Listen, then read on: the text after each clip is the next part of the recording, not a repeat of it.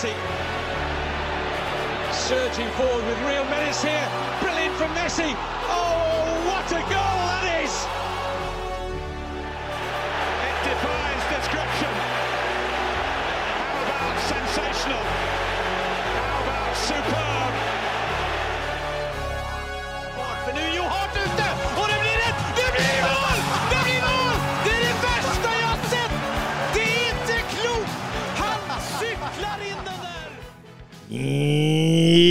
Da! Det er en glede å ønske velkommen til episode 187 av den eh, meget habile fotballpodkasten 90 minutter. Med meg i studio er jeg som vanlig Mats Sortnes Granvold. Hei! Hei, hei, og Søren Dupke. Hallo, hallo. Halla, halla. Eh, siste meldinga du skrev i chatten til oss, Mats, det var eh, 'vær forsiktig ned bakken, der er det glatt'. Eh, det hadde gått ca. 30 sekunder før jeg tryna i Jeg rakk å skrive takk for eh, Ja. Men nå gikk jo jeg som prøvekanin før dere ned, da. Mm. Nei, du, du sklei ned. Ja, jeg sklei ned. Jeg fikk ikke gått. Det gikk av seg sjøl, det. Tyngdekrafta gjorde jobben der. Sonja Hennie hadde vært misunnelig på den piruetten du gjorde inn i, Ja, i ja. Nei, men jeg datt ikke. Nei, nei, Det, det, balansen, den er intakt, den. Mm, mm. Eh, Som jeg pleier å si når jeg holder på å tryne Det er fotballkarriera Det er fotballkarriera som redda meg der. Det er balansen.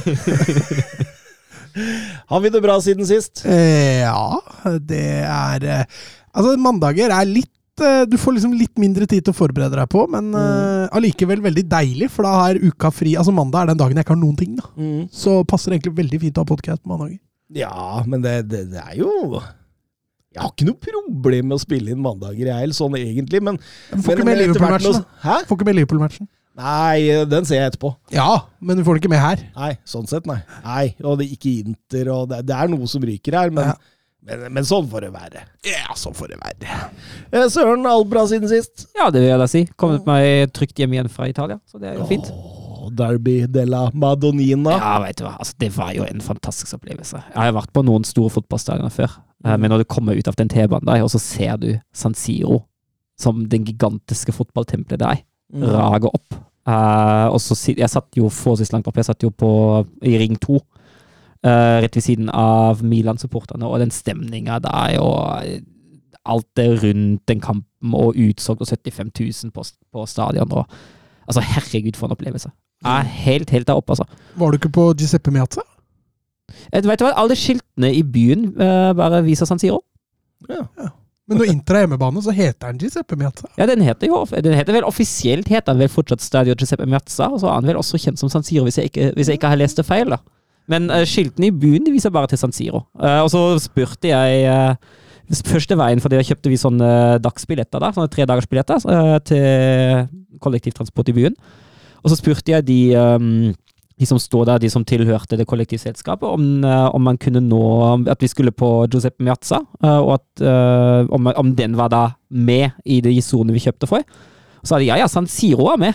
Ja, han var Milan-supporter, han du snakka med. Ja, jeg veit da pokker. Ja.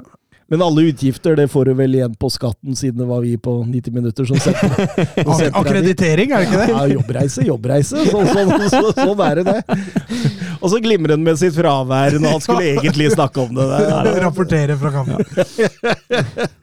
Nei, men det er hyggelig, det, folkens. Eh, Ja, men altså, kjenner, er, vi ikke litt lystige i dag? da? Jeg syns liksom sola har titta fram i dag. Det har vært Ja, Altså, været var jo helt fantastisk. Jeg, eh, jeg satt jo, hadde hjemmekontor i dag, og etter hvert gikk jeg og åpna døra ut mot hagen for å få i litt den derre Litt sånn, litt sånn bitte litt vårfølelse, altså. Ja, det er det. Det er helt nydelig.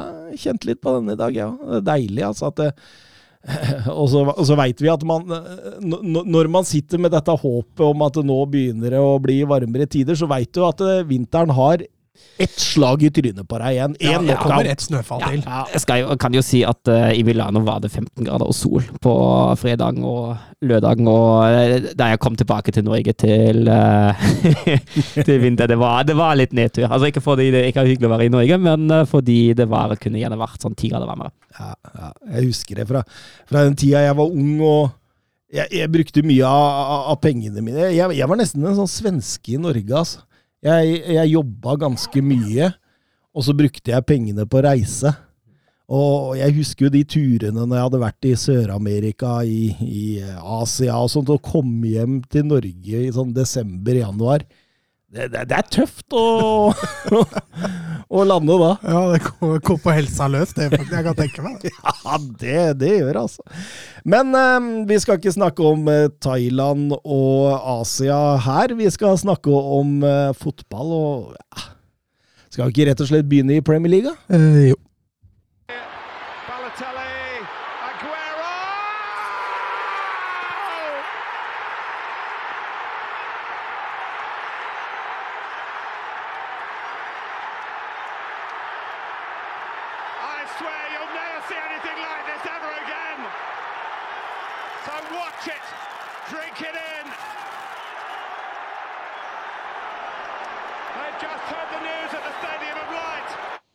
Vi, eh, vi begynner på London eh, Stadium. Vi, eh, Westham, Chelsea eh, London Derby øst mot vest. Mer arbeiderstrøk mot sosieteten.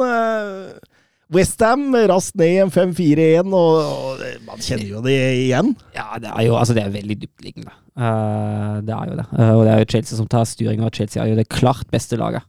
Uh, egentlig ut fra start. det som det som jeg syns var litt skremmende for Vestheim, hvor lite press det var på ballføra, og hvor lett det var å komme seg i bakrom selv om, Chelsea var så dypt, selv om Vestheim var så dyptliggende. Og det er jo bare Magina som sørger for at det er to avvinkninger for ganske hårfine offside. Mm. Men grunnen til at de greier den bakrommet, er fordi avstandene er så små. Ja. Hadde de pasningene kommet lengre bak i banen, så hadde det, blitt, hadde det vært umulig. Mm. Fordi man greier å gjøre avstanden så korte, da, så, så er det enklere å, å, spille seg inn bak, uh, bak Westham. Mm. Mm. Og det tar jo ikke lang tid før Joao Felix skårer sitt første Premier League-mål. En Joao Felix som uh, var skikkelig frisk første 30-35-40 Ja, sammen med resten av Chelsea-laget, egentlig. Uh, men, men, her føler jeg også at du, Chelsea kommer til å få det du får av Enzo Fernandes. da. Uh, han er en defensiv midtbanespiller som har det i seg. Den derre presisjonen og, og, kreativiteten da, på siste tredjedelen. Mm. Mm. For den er, den er, på grensa til ferdigskåra, den der fra til Felixen der, altså. Ja, Enzo Fernandes. Det er, det, det er, så klasse hvordan han styrer midten der. Og, og tall, tallene, de backer. De backer veldig. 84 pasninger fullført. Det er mest av alle på banen. Vant ballen sju ganger. Det er mest av alle på banen. Og, og du ser jo, han tar jo nivåene. Altså, Premier League. Han går rett inn og dominerer her òg. Strålende. Mm. Han har ikke noe valg, da. Han koster 100 millioner, så må du inn og, må du inn og dominere. Men, men, men, men, er det en slags moderne buskets vi ser her? Ja, det vil jeg jo si. Uh, vi har jo snakka for jeg husker det er den stund siden nå, et og et halvt, to år siden, uh, har vi snakka om, uh, om, at sånne reine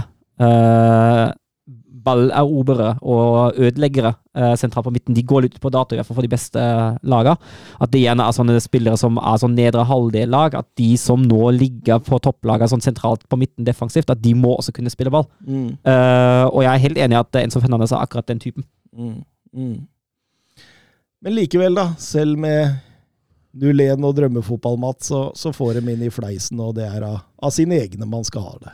Ja, du tenker på denne Emerson som uh, dukker opp helt aleine på bakerste der, og litt tellefeil i, i bakre ledd for Chelsea der, som gjør at Emerson får, uh, får en fryktelig enkel jobb når han uh, kommer inn på bakerste der. Mm, mm. Går til pause med 1-1. Du tenker Chelsea skal ut og trykke igjen, men Westham går litt høyere der.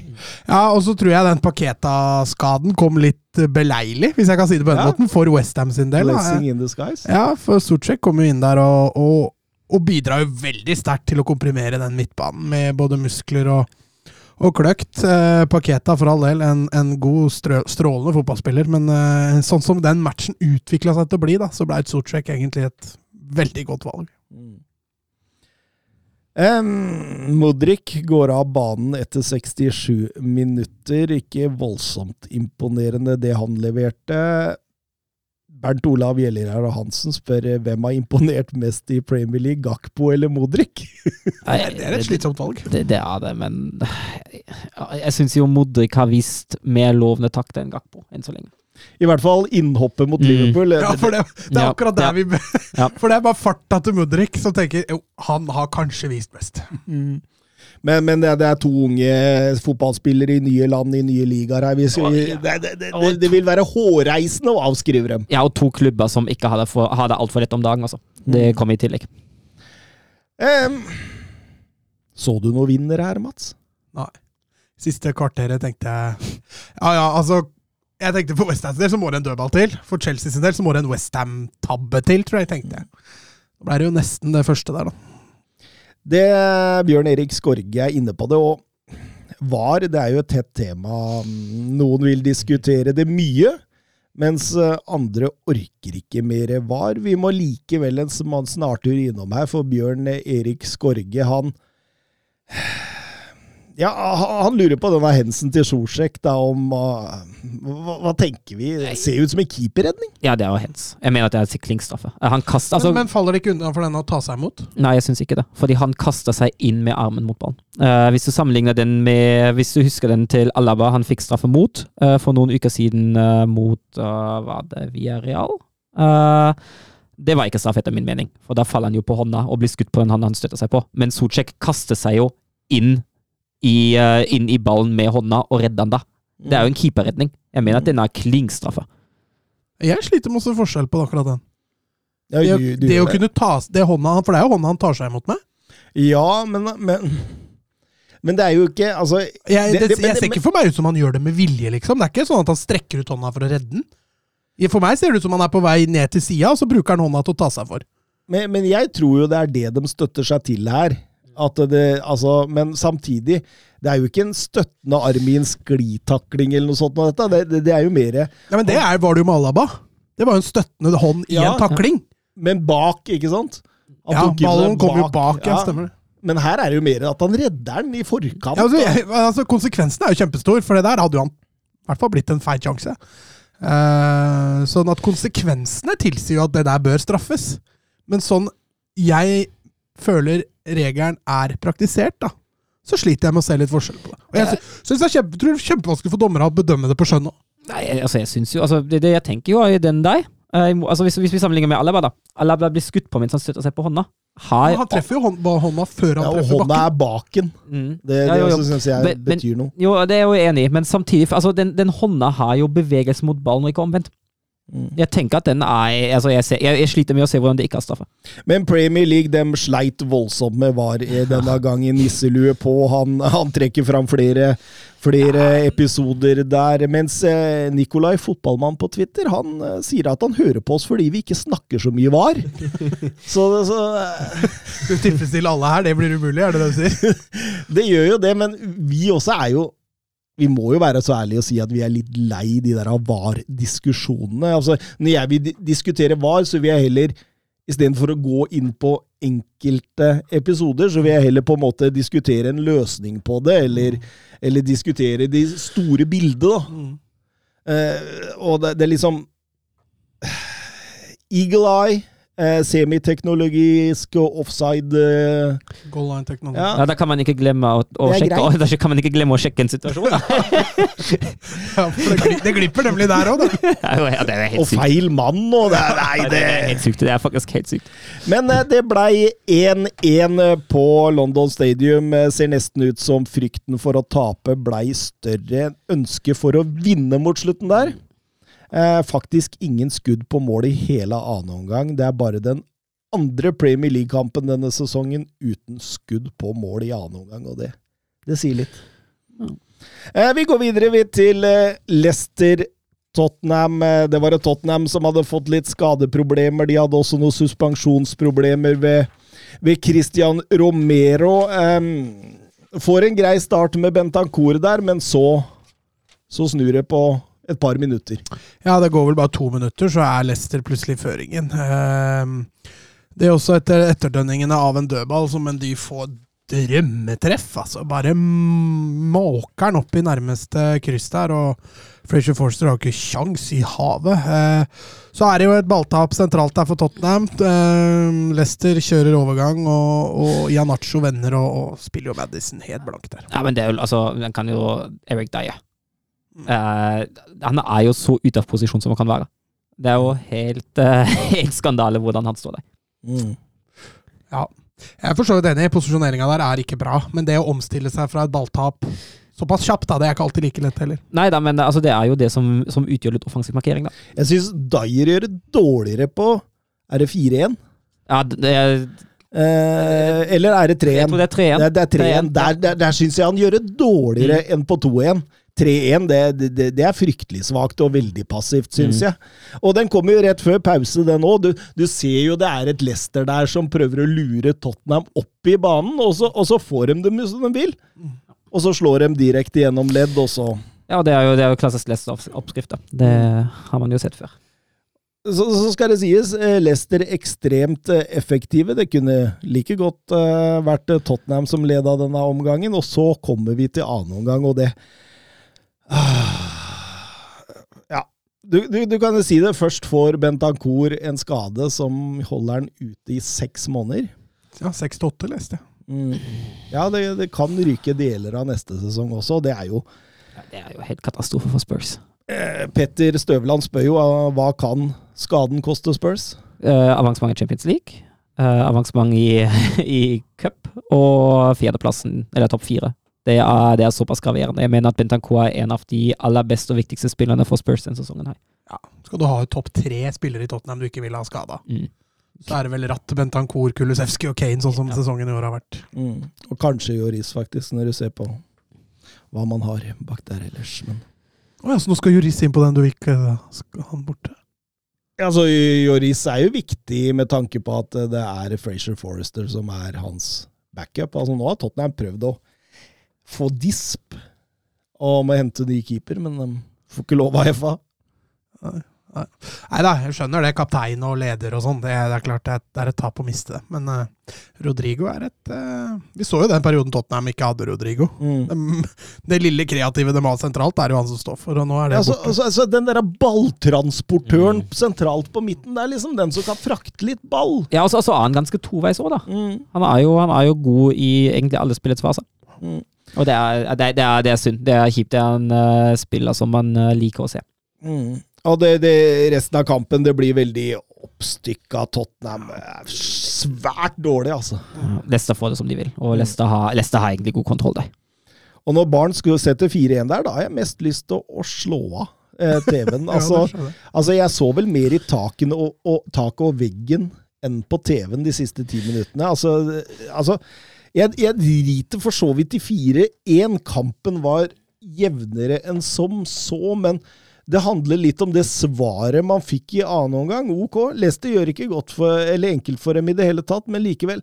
Det var så tafatt, energiløst og litt sånn give up-stemning over hele laget der, som jeg liksom egentlig aldri har sett ved dem. Altså, eh, nei, det, Den eneste trøsten må jo være det at det er veldig mange andre lag i og rundt Tottenham som taper poeng denne runden.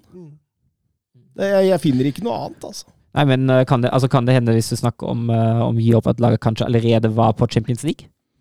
Ja, det skal vi komme tilbake Ja, ja. til med andre lag òg. Ja, ja. Det, ja, ja. kan jo stille spørsmålstegn ved det, altså. Vi går videre til eh, Arsenal-Brentford, og ja, det, det, det var ikke noe Brentford som sto med lua i hånda fra kampstart her. Det er jo Absolutt ikke. Det var, uh, kunne fint vært 2-0 til Brentford etter en halvtime, faktisk. Uh, Arsenal sliter med å skape store sjanser, selv om de selvfølgelig dominerer ballinnehavet stort og etablerer ofte spill. Veldig gode i frispilling av Arsenal i denne kampen, her, det skal de ha. Uh, men, men de greier ikke å gjenskape dette aggressivt høye presset med gjenvinning av ball høyt i banen. Det sliter dem veldig med. Altså. Ja, og så er det jo noe med at når Brentford er samtidig dype, når de ligger dype og forsvarer egen boks såpass godt, og så har Arsenal-spillere såpass dårlig tid, eh, og så er Brentford veldig obs på at det ikke blir, blir en isolert én mot én mot Arsenal sine kanter, så blir det vanskelig. Mm. Brentford gjør en, eh, gjør en sterk, sterk kamp, altså. Og så har de De har Tony og Embuemo på topp, og de er gode til å holde på ball, altså.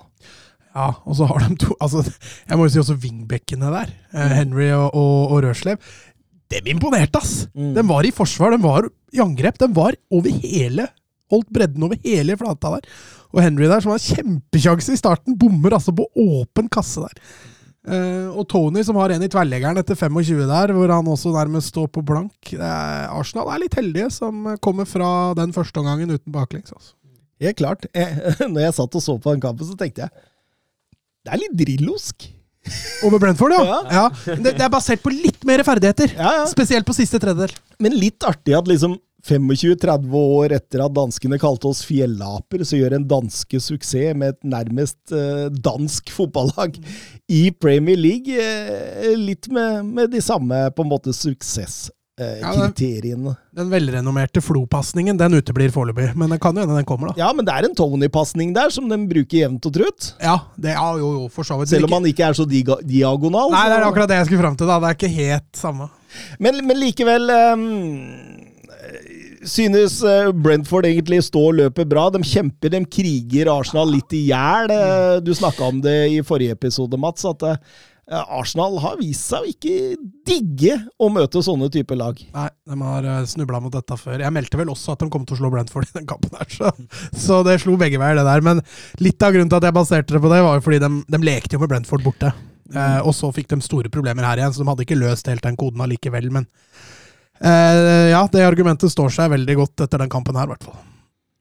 Men det var Arsenal som tok ledelsen. Ja, et av de mange innlegg som de slo i boksen. Den, eh, det kom fram. Bra gjort av Saka, det der. Uh, nydelig slått til Tossai, som uh, setter han inn for sin første scoring i Premier League for Arsenal. Det Mm. var litt gøy å se Ødegaard også var jævla mot Everton. Nå var han i hvert fall litt tilbake igjen. Han var ikke helt der hvor vi husker han, men, eh, Nei, men det- steg, det- på, steg på riktig vei, i hvert fall. Ja, men jeg tenker jo også altså, Brentford, Brentford til, altså, tillater jo ikke at Arsenal bruker det mellomrommet heller, da Ødegaard liker seg så godt. Så han må, jo, han må jo litt ut i de lommene på kant der han finner rom og, og agerer der, så det blir jo en litt vanskelig kamp for ham. Mm. Men uh, Brentford har Ivan Tony setter 1-1 der. Et svært omdiskutert mål. Ja, det, det var jo offside, det. Mm. Uh, men Klink! når man ikke sjekker riktig situasjon, da altså, det, det, det er helt utrolig. Det, det, Human error på VAR. Ja, de sa så. Og nå har eh, dommersjef Howard Webb innkalt til krisemøte. Eh, innkalt alt som heter rubbel og bit av var og dom dommerteam og alt mulig. Eh, for det var mye denne, denne runden, og Arsenal var en av de som fikk betale for det, riktignok. De, de satte seg litt i den situasjonen sjøl. ja, og så er det jo det er jo ikke ufortjent at Brentford utligner hvis man ser på spillet. Nei da. Nei da. Det er jo først eh, etter 1-1 Arsenal begynner å igjen se litt ut som Arsenal. Trøkker, trøkker godt mot slutten der. Ja, nei, du, dere har helt rett. Altså, at denne kampen er ren igjen, er jo ikke noe flatterende sånn sett. Men, men, eh, men det er klart, vi har prata om denne flyten Arsenal har hatt hele sesongen. da. Dette er vel første skikkelige tegnet vi ser på uflyt. Og Steffen Hansen han spør, han. Tre uten seier for Arsenal nå. Ett mål på 270 minutter fotball. Usikkerheten brer seg. Kunne fort tapt mot Bredford. Er nedturen på gang? Ja, Nedtur vet jeg ikke, men uh, nå ser jo lag hvordan Arsenal kan kriges og kjempes ut av stilen. Uh, og da må Teta finne løsninger for det. Mm. Nei, jeg tror ikke det kommer noen nedtur. Men uh, for all del, altså et tap nå mot City i midtuka, det kan uh, det kan bli stressende for Arsenal framover da, i så fall. Eh, tror de slå City nå i midtuka, så er de plutselig, plutselig god, på god vei igjen. Så vi kan vel kanskje konkludere litt mer etter runden som kommer. Men, men nå, nå, nå, det rakner ikke, tror jeg. Jeg tror ikke det blir sånn ti kamper nå Nei, med det- det- to seire, liksom. Det tror, jeg ikke, det tror jeg ikke heller, men det, altså, du trenger ikke å ha så stor nedtur for at øh, City går forbi.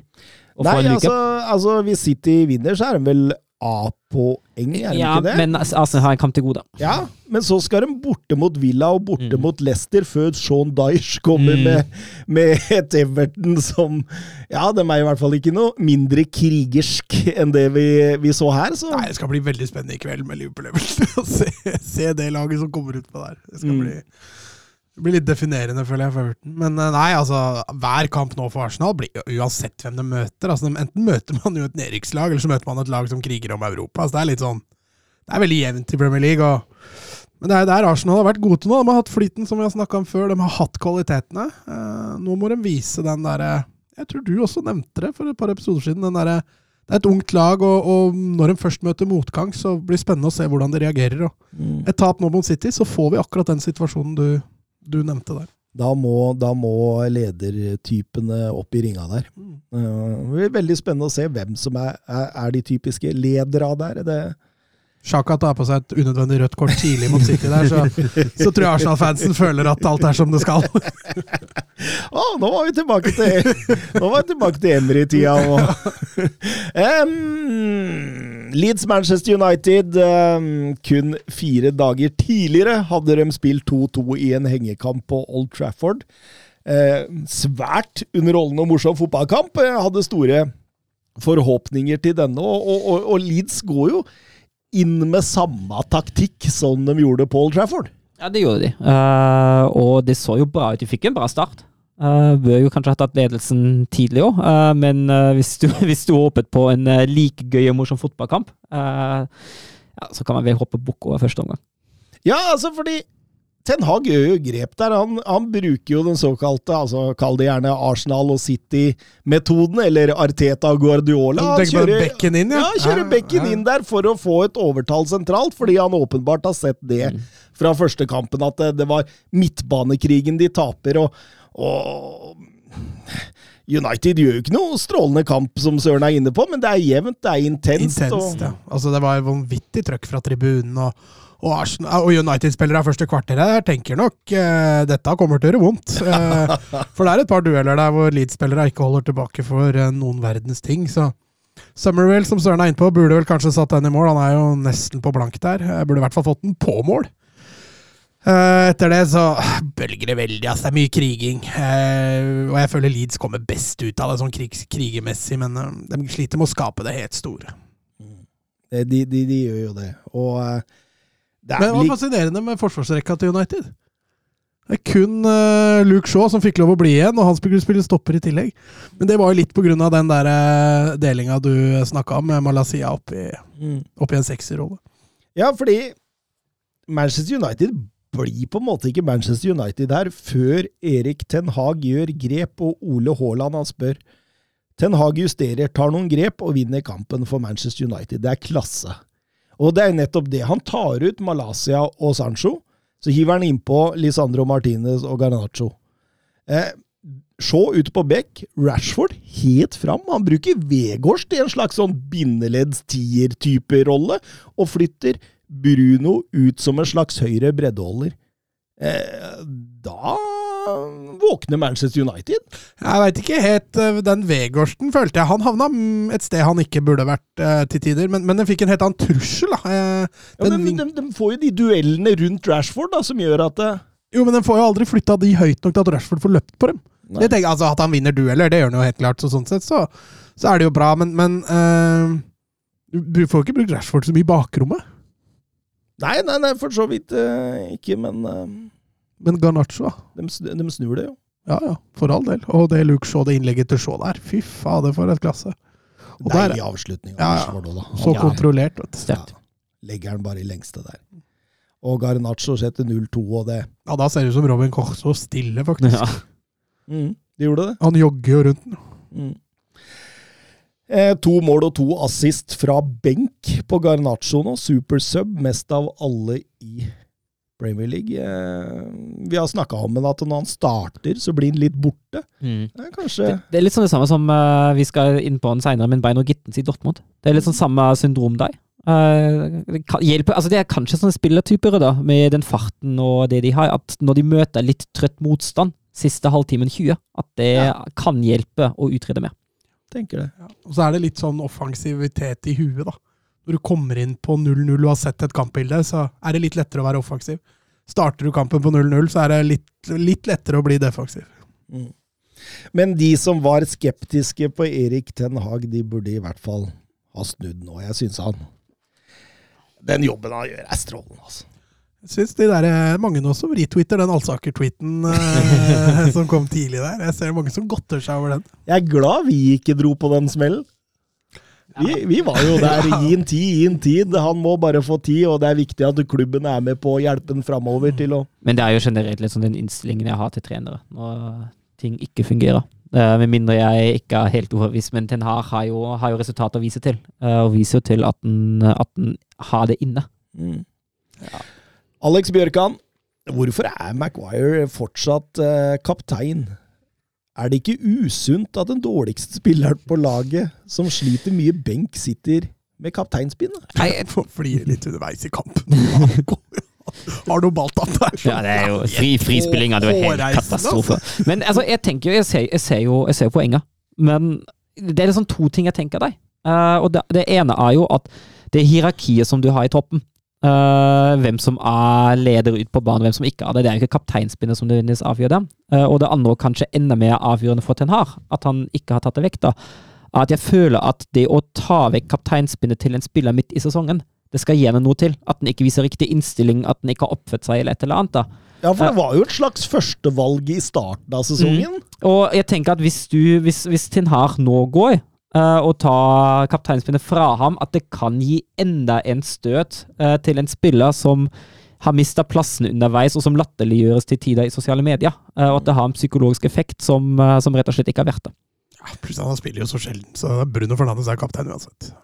Men enkelte managere de har, jo, altså, de har jo forskjellig syn på hvor viktig en kaptein er, hvilken rolle de har. Noen legger det som skjer på gresset mer sekundært, og, og tenker mer på hva som skjer på treningsfeltet, og eh, på en måte hvilken rolle du har innad i laget sosialt også. da. Um, så, så, så eh, jeg er usikker på åssen Ten Hag sitt standpunkt er her, men um, det, det, det fins jo mange svar til dette spørsmålet, tenker jeg. Um, Nikolai, fotballmann på Twitter. Um, hvordan tror dere Lindeløf hadde gjort det i en defensiv midt? Altså, Han er jo temposvak, da. Det er vel kanskje ankepunktet hans. Uh, han har jo OK basisferdigheter. Uh, han er tøff, så han, er jo, kan, han må jo inn der for å spille en sånn ballvinnertype, tenker jeg. da. Og vinne dueller. Men er han god nok i frispillinga? Nei, altså det er jo det som er begrensninga hans, da. Uh, urutinert i den posisjonen. Uh, begrensa med ball, uh, og begrensa med tempo. Så jeg tror over tid tror jeg det kunne vært en eh, fatal løsning, altså. Eh, Tenag har jo omskolert stoppere til defensiv midt før med suksess, med Edson Alvarez i, i, i Ajax, men han er vel Gjorde han ikke motsatte med Lisandro? Han dro ned fra dypet en dyphet til en stopper. Så han er jo, det, det er jo ikke noe manager som nødvendigvis altså, har en rollefasthet i det han driver med. Han kan godt eh, skyve litt rundt. Ja, men det handler jo om at han, eh, han Altså Vegårs til tieren. Ja, ikke sant? Ja, men, eh, Men det, handler, det handler jo sikkert om at han heller ser rolle enn posisjoner. Mm. Og det er jo fornuftig. Helt klart. Eh, Bjørn Erik Skorge han er mer opptatt av at eh, man kunne skimte den tidligere Ajax-treneren eh, på Ellen Road, Alfred Schreuder. Var på Ellen Road. Eh, hva, hva tenker vi om en sånn Ja, det er vel avkrefta, ble det ikke det i dag, da? Ja, men altså, det hadde jo ikke vært et godt valg. uh, av to grunner. Uh, Schreuder har jo ingen resultater å vise til, verken i Ajax eller Hoffenheim. Han var vel god i klubbrygge i ett år. Uh, Ja, Og så ble han jo sparka i Barcelona, ja, ikke sant? sammen med Koman. Ja, ja. men uh, som assistent er det jo begrensa for all del. Men uh, jeg ser ikke at han uh, kan heve seg i en sånn klubb. Og så spiller jo Shoida spiller jo litt sånn Eller ønsker å spille, skal jeg si. Eh, den der nederlandsk ballbesittende angrepsfotballstilen. Og det er jo det stikk motsatte av det som Jesse March hadde i Leeds, og som Leeds topp var utretta etter. mm. Så jeg mener at det hadde, det hadde vært mismatch.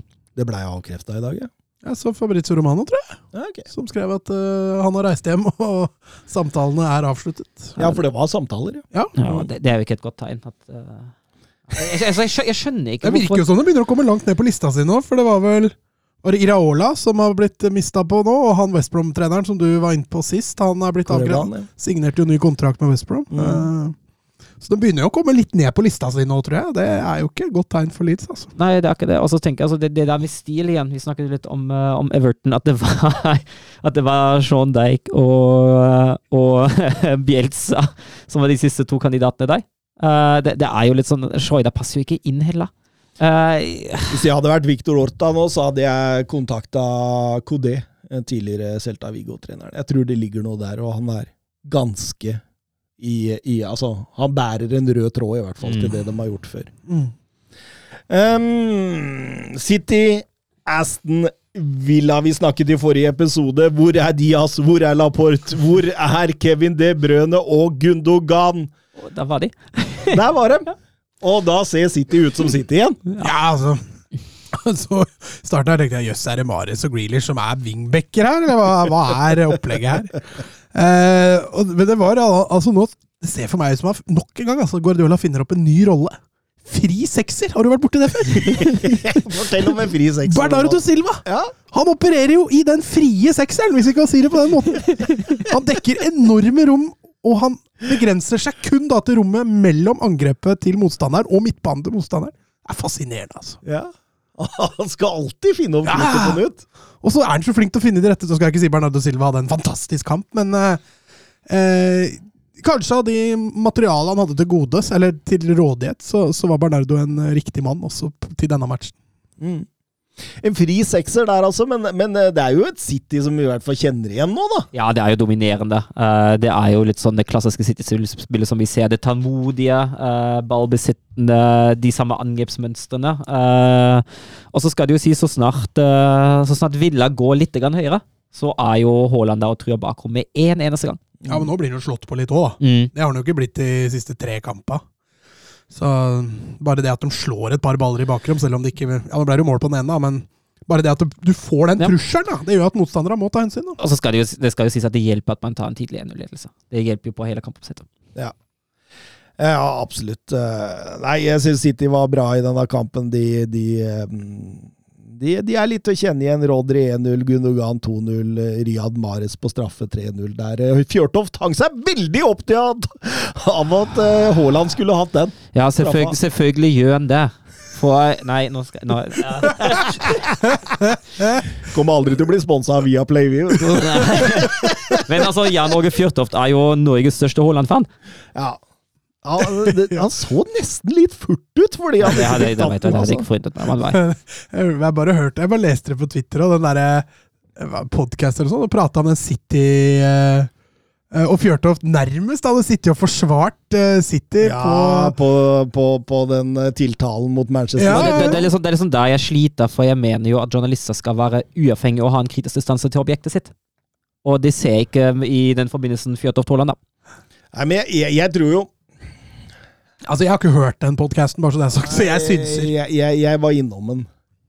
Og jeg Jeg vil unnskylde han litt, fordi jeg tror ikke nødvendigvis han alltid fortalte hva han håpa på, eller hva som Jeg, jeg, jeg tror han Var litt djevelens advokat? ja, nei, ja, men at han fortalte litt hva Altså, han- han fant litt realistisk eh, Mm. på en måte veien inn i det på, da. Fordi eh, det var jo to stykker som satt og dømte. Mm. Og så Ja. Jeg, jeg, jeg tar ikke den der det er så ille, jeg, altså. Jeg, jeg gjør ikke det, men Men um, Faktum var jo det at eh, Pep Guardiola sa jo også Ja, han gikk hardt ut. Ja, han sa jo det at det er en rangorder der. Jeg veit ikke hvorfor spillere valgte å gå utenom den. Han skjønte det ikke. Eh, ser jo ut som Haaland vil ta han.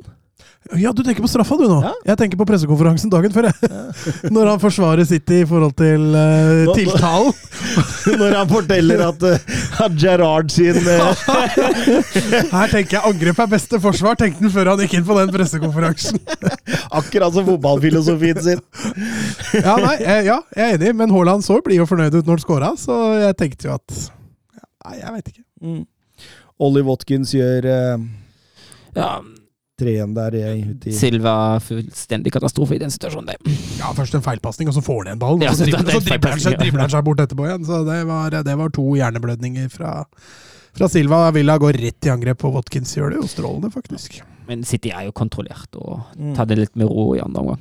Ja, det blir litt eh, heit rundt dem der eh, rett etter den skåringa. Da syns jeg Villa presser på, riktignok uten å skape kanskje de helt store sjansene, men når det er igjen ti minutter, så roer det seg, og da, da er det jo greit.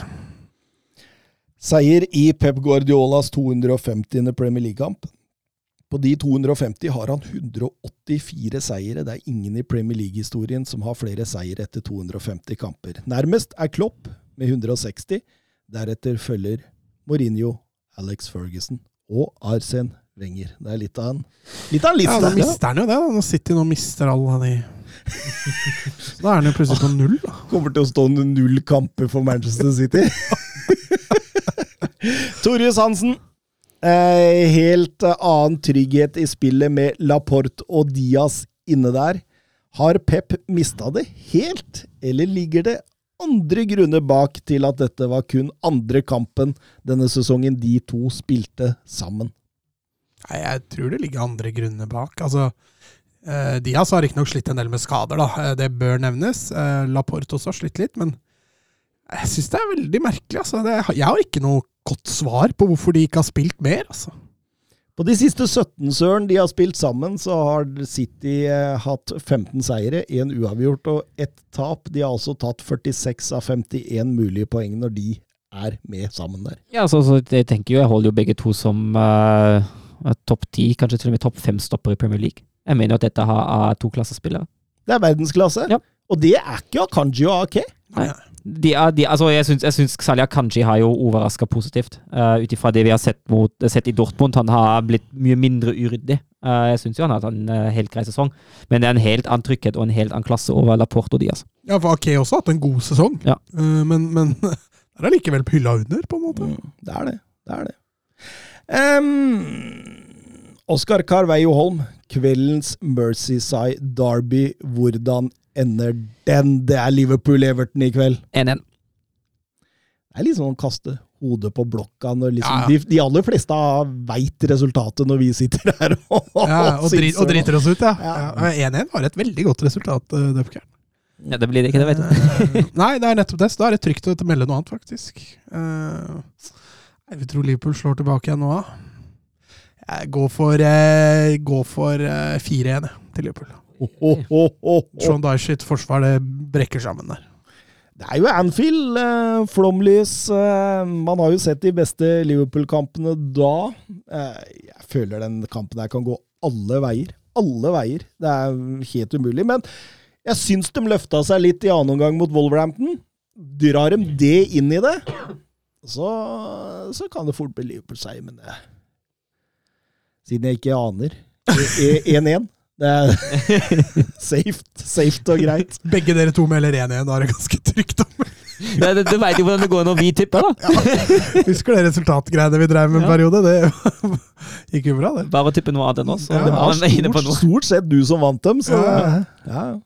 Og begge dere to tipper det samme i tillegg, så da kan det jo ikke bli 1-1. det blir 4-1 nå. Det ja, blir hatt 4-1 nå. Bournemouth Newcastle eh, 1-1 er- Altså, nå er det et Newcastle-lag som eh, De har vel bare én seier på siste seks? Ja, spiller, spiller mye uavgjort. Ja, mye U der. Det gjør jo at de fortsatt holder litt stand i topp fire der, men uh, Bournemouth borte, hvis du skal spille Champions League neste år, så bør det være tre poeng, det, altså. Sliter mer offensivt nå. Uh, har ikke skåret mer enn ett mål i en kamp i Premier League siden 3-0-seieren mot Leicester på Boxing Day. Det, det, det, kladder litt offensivt, selv om de fortsatt har den defensive tryggheten inne. Ja, men altså, det er defensive tryggheten. Altså, før så vant de med 1-0. Nå Ja. spiller de 1-1. Mm. Så det går litt gærne veien der òg.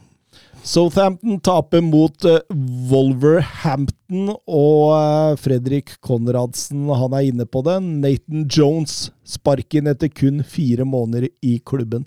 Hvilken manager bør de ansette for å få orden på dette? Ja, det er et dækla godt spørsmål. Eh, når du har så liten tålmodighet med en trener eh, Men, men han, han, han Jo jo, han har ikke fått til noen ting, det er klar la det. seg ut med supportera der, og det blei mye tull, altså. Men eh, allikevel, da. Hvem er det du skal få inn? Altså Sam Allardyce, da, eller? Nå blir Jesse Mars nevnt i, i mediene som mulig sjokk-comeback. Han redda jo Leeds i fjor. Ja, og det er jo litt sånn den, eh, den lignende spillestil som Hasenhyttel i hvert fall hadde. Så det er som den troppen bør, bør kjenne til. Ja, Leeds er vel snart nede på lista for Kjetil Knutsen nå, så han også er vel snart tatt, tenker jeg. Tenk om han hadde kommet av. Hadde det ikke vært. Um, Livlaga. eh, Cristiano Donaldo kommer eh, Sander Berge til å ta enda en sesong i Sheffield United når de rykker opp, eller drar han til en større klubb eventuelt? Hvilke klubber hadde han forsterka? Leicester eh, burde vel forsterke midtbanen, så kunne kanskje vært perfekt der, eller? Når de rykker opp, er det, er de, har de fått lykke, liksom, eller? Det står når. Det står når. Ja, han er såpass freidig, ja. ja. Eh, jeg, jeg mente å huske at det, de lå som nummer to, ja, men at det var kort vei ned. De har ti poeng ned til Middlesbrough på tredje. Ja, Og, så er- et, er- og én kamp er, det mindre er spilt. når man Da er det Luke, ja. ja da, Ja. da er det når, ja. Nei, da, Donaldo veit hva Ja, han driver med når han skriver spørsmål, Mats. Du må ikke Da, da slenger, vi oss på, slenger vi oss på den. Ja, altså jeg tenker jo Leste er jo egentlig et, uh, en fin retning. Jeg tenker at Sander Berge fint kunne spilt uh, midtbane på en Premier League-klubb midt på, uh, som har ambisjon om å, om å ligge eh, i øvre halvdel. Eh, Passer fint inn i sånn Litt sånne krigerlag. Ja. Brentford, Palace Everton med Sean Dyke. Ja, Everton med Sean ja, det hadde vært Ja. nydelig. Men hvis Sheffield United rykker opp altså, Hvor mye var budet til Fulham de aksepterte på? Var ikke det 2,50 eller 3 eller noe sånt? da? Eh, det er ikke vilk ja, Mange Premier League-klubber har råd til det, men uh, det er Men fra, bare bare fra neste sommer da, så har han jo bare ett år igjen av, av kontrakta si. Ja, Men altså at han kan ta et steg oppover objektivt fra, eh, fra Sheffield, det mener jeg definitivt. Mm. Uansett, da, så vinner jo han på det om han spiller én sesong til i Sheffield, og det er Premier League, så, og så går gratis hvis de rykker ned. Vinn-vinn for han, det. Sheffield United har krevd mye for han, altså. Mm. De betalte jo mye for den òg. 23, tror jeg. Ja. De krever jo opp mot 30-40, er det ikke det, for å slippe den der. og jeg tror kanskje skadefrekvensen er det som skremmer laga fra Mm, liksom mm. Og så og så- og så størrelse på skaden. Mm. Det er ikke sånn to uker, liksom. Det er to måneder av gangen. liksom. Ja. Magnus Fjell, hvordan vil dere prosentvis si at sjansene for Premier League-gull er fordelt nå på City, Manchester United og Arsenal? Uh, City 65, Arsenal 30, United 5. 80-20. Ja, Nå er City- United på 20. Nei, eh, nå deler Arsenal og Manchester United de siste 20, og så sier oh, ja, jeg bare så det 80 er til 80 City. 10-10. Ja, det er ikke 80-20-20. 80-15-5. Det blir 120, det blir 120 prosent, jeg skjønner. Til og med Matte-Mats. eh, jeg, jeg tør faktisk ikke å begynne med sånn der, ass. Da kommer jeg til å ende opp på 105 Det er jeg helt sikker på, så ler dere av meg, og så, og så er ikke det gøy. Så jeg, jeg bare slenger meg på Thomas sin, ass. 80-20-20, sier jeg. Da vinner du, i hvert fall. Vi går over til La Liga.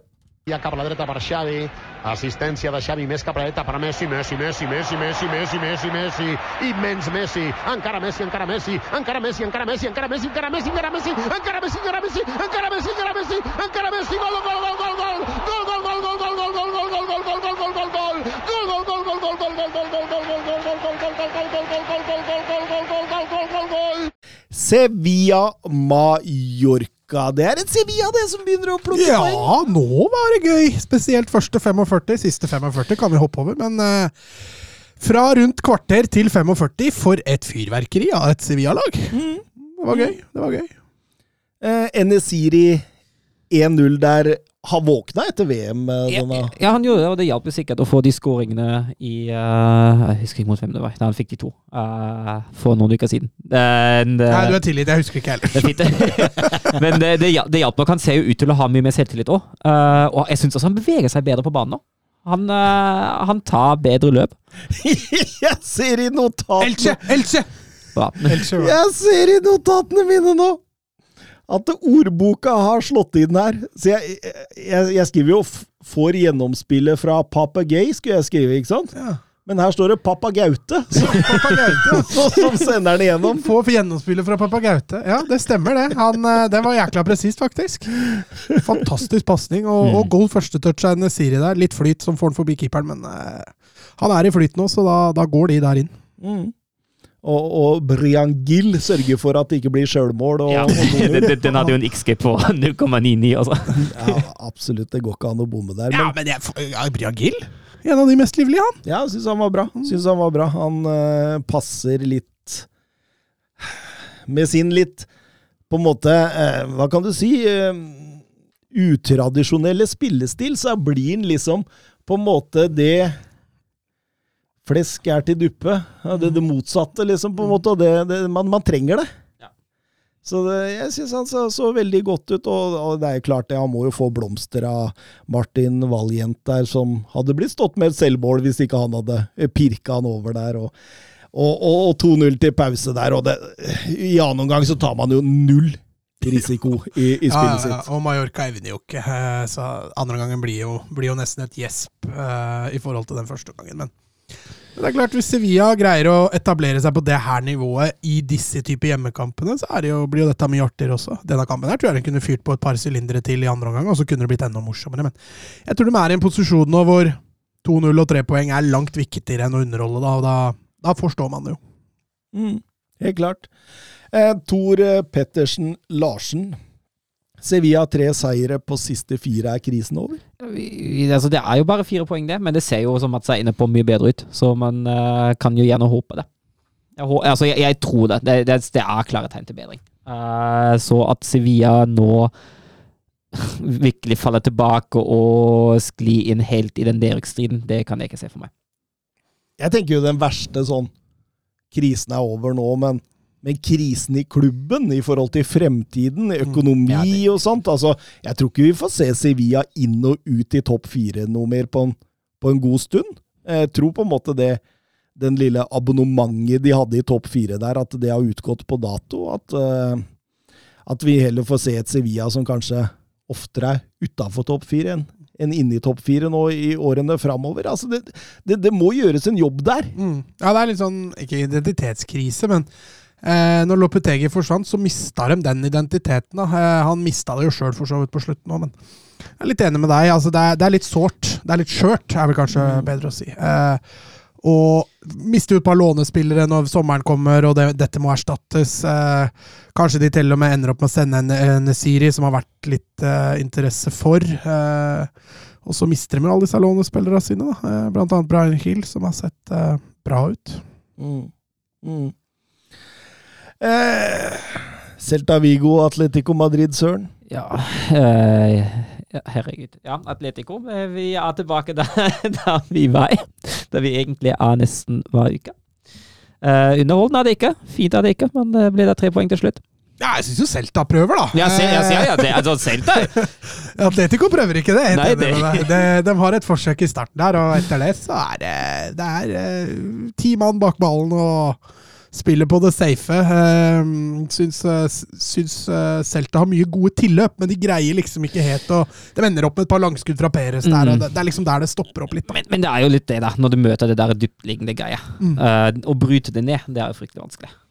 Jeg syns vi snakka så vidt om det forrige episode. Gabriel Veiga.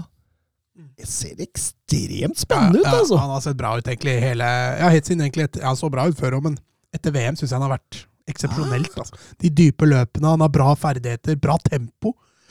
Uh, ser veldig, veldig lovende ut. Da. 20 år gammel. Det er, det er jo altså, noe som sier meg at han ikke blir i Celta veldig lenge. Nei, og så er han ganske Han kan brukes litt overalt, da. Uh, han benka jo Strand Larsen en periode. Uh, da var det Veiga som ble brukt sammen med Aspas på topp. Mm. Mens når man skal angripe mer, da, så bruker man Veiga dypere i banen. da. Mm. Ja, absolutt. Og eh, ja Selv om de sliter med å komme til målsjanser, så prøver de, som dere sier. Og, og det fortsetter jo på mange måter i samme spor eh, utover annen omgang. Eh, Aspas får vel et par store, eh, store eh, sjanser. Og så eh, Jeg tenker, skal de ikke ha straffespark der når Tapio blir, Tapia blir revet ned av, av Reinildo inne i boks der? Mm. Ja, den er veldig, veldig eh, Jeg har lyst til å si uklar, men den er jo egentlig ikke det. Nei, altså. Slike håndlinger har blitt et problem i fotballen, Ja. fordi eh, eh, noen ganger blir de tatt, og andre ganger blir, man det, blir det ikke straffa. Og, og man må få det bort. Blåser man hver gang, så kommer det bort. Altså, Ja. Dobbelt livtak, rive i bakken Hei. før ballen er inne i boks. Det er, det er, Ja. Det er straffa, ja, altså! jeg er helt enig. Og jeg husker at Bundesliga prøvde for 15 år siden, faktisk, i 08-09-sesongen. Så prøvde de å ta grep på det, og så ga kleinstrukse dommere, hvis dere ser den holdninga der, blås straffe. Det endte jo med ekstremt mange straffespark de ti første rundene, og da gikk de tilbake på det. Og det ble så mange straffespark ut av det. Men Hadde de holdt ti ja, det, det, er akkurat det, det, er akkurat det, det er akkurat det jeg tenker. Var, var konsekvent for det, så slutta folk med det. Mm. Rett og slett. Jeg er helt, jeg er helt enig med deg. Det, det er en uting. Soleklar, altså. Jeg, jeg fatter ikke hvorfor ikke VAR går inn der og sånn. Da, eh, De har gjort det før òg, gått inn på sånne. Reinildo, liksom. Han, han river og drar og, og, og får lov. Det er, nei, det er, det er håpløst. Eh, Vebjørn Fredheim. eh, er det tabbe å ta ut Strand Larsen mot Atletico? Synes han fungerte bra med Aspas. God i oppspill, god med kombinasjonsspillet. Altså Aspas og Larsen har funnet en link, det har de vist i flere kamper nå. Dessverre så blir det for få mål ut av det, egentlig fra begge to. Og så har Strand Larsen blitt et sånt go to-bytte. Eh, gjerne første som ryker, egentlig. Spesielt hvis man trenger å forandre et kampbilde, så, så er Strand Larsen han som blir ofra. Jeg er litt enig, med, litt enig der, fordi han, han, han tilbyr noe som ingen andre i Celta Vigo har, da, med litt fysikk. Det å være god feilvendt, det å være en trussel i boks. Det er det ingen andre som har der. Så jeg også, noen ganger så stiller jeg meg litt uforstående til at han blir bytta så, og noen ganger veldig tidlig òg. Mm. Ja, det var jo bare noen og 60 minutter her, eller noe sånt. Eh, men så får vi et rødt kort etter 70, Stefan Savic. Ja, da kom Ja. rivinga igjen. Ja, ja mot uh, Seferovic, som vil bytte vel inn for Strand Larsen, hvis jeg ikke husker Han feil. har også hatt noe positiv innhopp, han Ja. Seferovic. Ja. Og dette er jo mindre nedriving enn det Selta Ja. ikke får straffe for. Men konsekvensen her blir jo nesten like stor, får man vel si, da, i og med at Savic får direkte rødt. Og det er ikke langt unna heller. Han eh, river jo akkurat utafor streken. Mm. Så ikke langt unna så blir det jo straffe. Men det er jo, jeg syns jo det er helt riktig at det blir rødt. Ja, Når du først blåser frispark der, så må han jo nesten gi rødt kort òg, så Ja, absolutt. Eh, kampen åpner seg litt opp da når, eh, når Oblak har den vanvittige redninga der! Den når han kryper tilbake på streken. ja, ja den òg. Men han har en reaksjonsredning her som er litt sånn Gordon Banks-aktig, med venstrehånda. Han holder dem inne da, altså. Ja, for det er jo Celta Vigo som bør vinne denne Ja, kampen. helt her. enig, altså, særlig, særlig 11 mot 10. Der kjører jo Celta Vigo. Da legger de ordentlig press på Atletico Madrid, og da kommer de også til målsjanser. Ja, de er jo ikke, Atletico er jo ikke i nærheten av mål engang. Nei, nei, nei. De tenker her, der og da tenker de ett poeng, det er mer enn Ja. godt nok. og det målet de får, det er jo Flyt. det, og til, det er tilfeldigheter. Det er jo utelukkende tilfeldigheter som de får. Carasco går på skudd der, og så forandrer han retning, og den lander jo i beina på Depay, som hvor keeper allerede er utspilt. Så Ja. det er jo Mm. Og Depay har møtt Celta Vigo tre ganger i La Liga. Mål i alle tre! Eh, Flyt. Det var ikke pent, men Atletico vant. ja, på veldig atleticosk, hvis vi kan si det på den måten. Ja, det kan man Rødt, si. rødt kort og forsvarsspill. og, og, og hvis de vant på veldig atleticosk, så tapte vel Celta Vigo på veldig Celta. Som det har vært de siste to-tre sesongene, faktisk. Så det, det, det, det var liksom det var, det, var, det var sånn det måtte bli. Mm. Det var det. Um, vi går videre til Villarreal mot eh, Barcelona. Viktig kamp for begge lag. Villarreal måtte vinne for å holde følge, mens Barcelona med seier kunne legge enda mer press på Real Madrid i kampen om ligagullet. Og ganske even Steven fra start, eller? Nei, jeg føler jo Barca tar litt tak i det, men eh, ja, de, er ikke noe, de kommer ikke så veldig nære.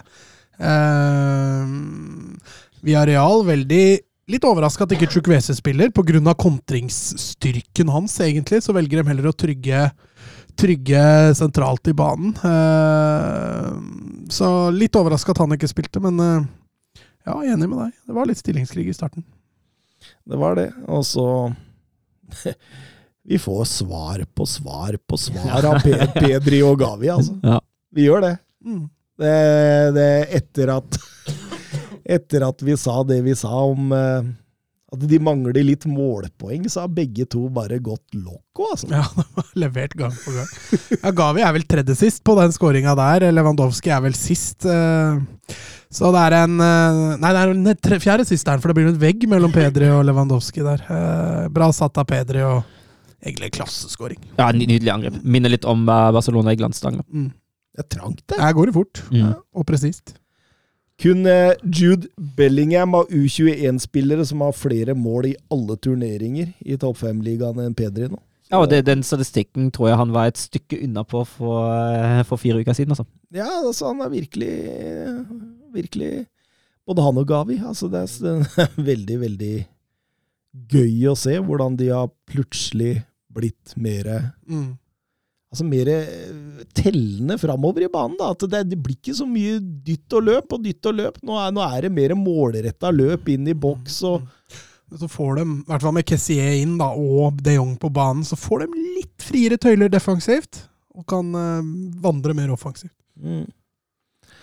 Absolutt. Uh, synes i denne perioden etter 0-1 at Villarreal sliter defensivt. Uh, Barcelona behøver ikke bakrom, fordi via Real følger jo ikke løp uansett, egentlig. De, de Lewandowski og Rafael får mye plass, altså. og de sliter i frispillinga. De eh, har ikke så mye voldsomt å komme offensivt heller. og Det er, det er nesten en sånn blessing in the skies at Coquelin ryker på en Bentancour der, og Mm. at man får inn Chukwese. Ja, ja, ja. du får en helt annen trussel med en gang. Eh, får mye mer tempo i noe som kan true inn bak. Eh, altså For all del, Morales er ikke, er ikke en treig fotballspiller, men, men han er ikke noe sjukuese der. og det, det gir plutselig via Real en ekstra streng å spille på.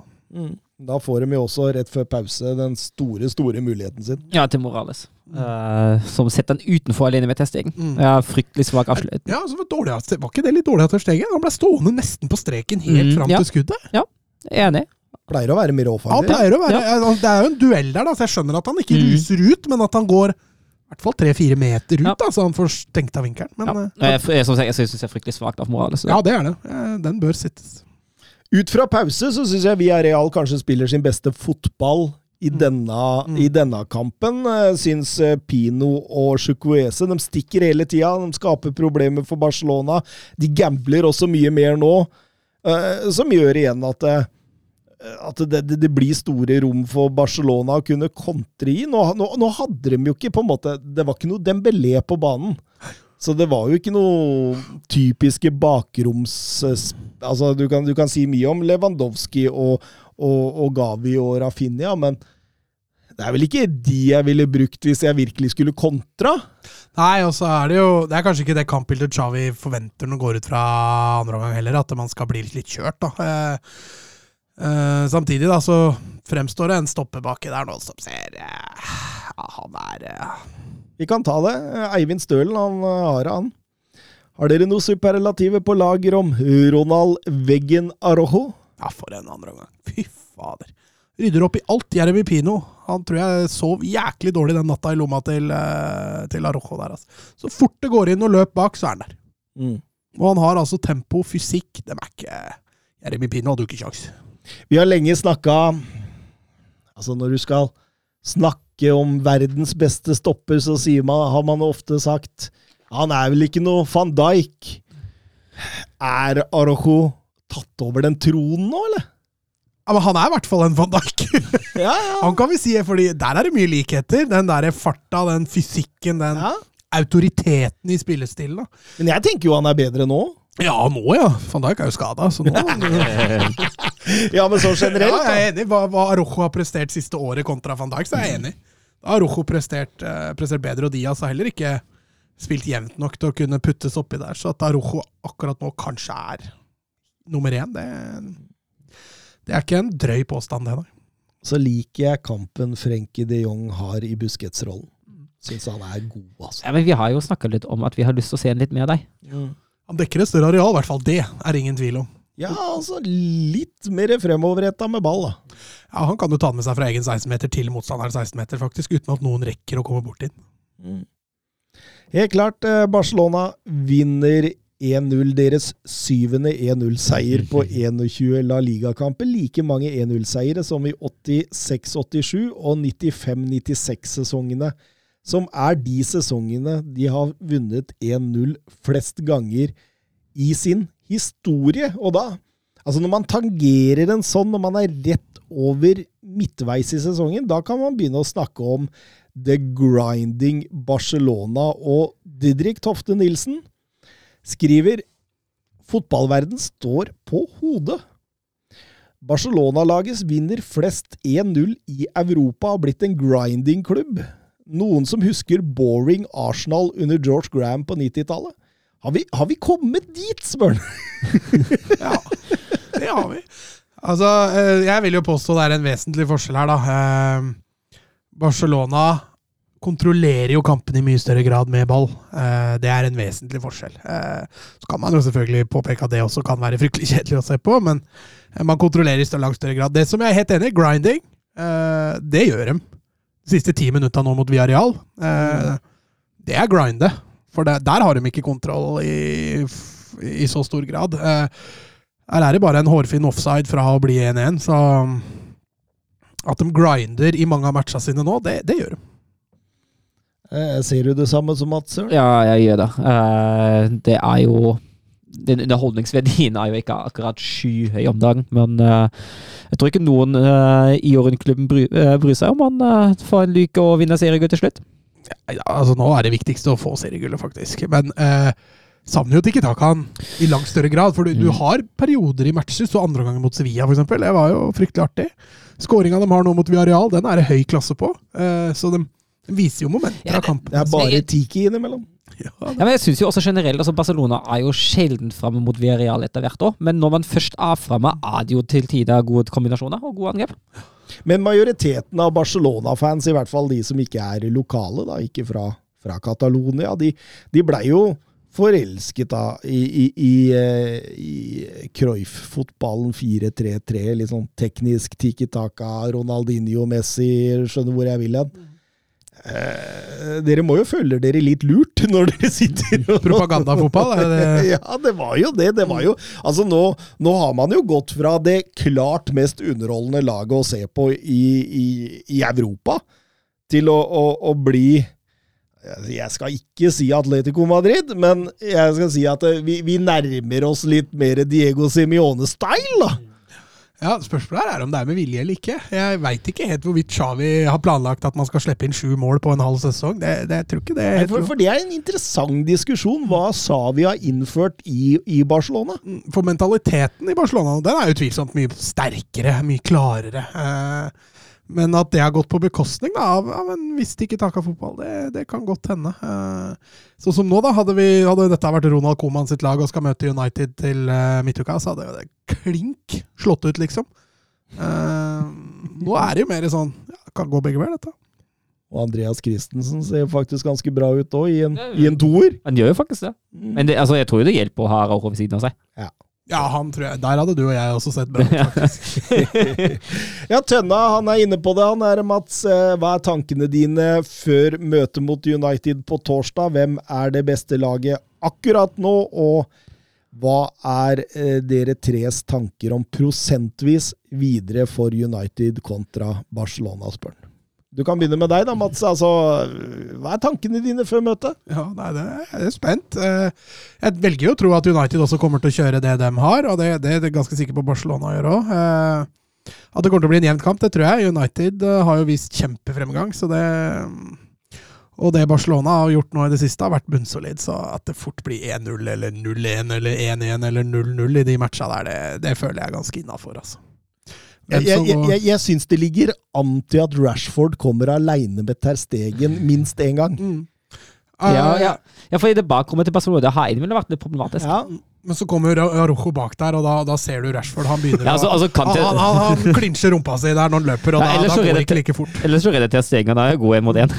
Rashford han ble jo dårlig når, når, eh, når eh, van Dijk ble god, så kanskje han var skremt av van Dijk, så han blir altså, Araujo skremmer han tilbake i hiet sitt. Men greia er, uh, Rashford bør ikke være redd så lenge han hører skrittene til Arrojo bak der. Eller Rashford bør ikke være redd da. Det er når han ikke hører noe lenger. Det er da! Da! For da ligger Arojo i lufta, nemlig!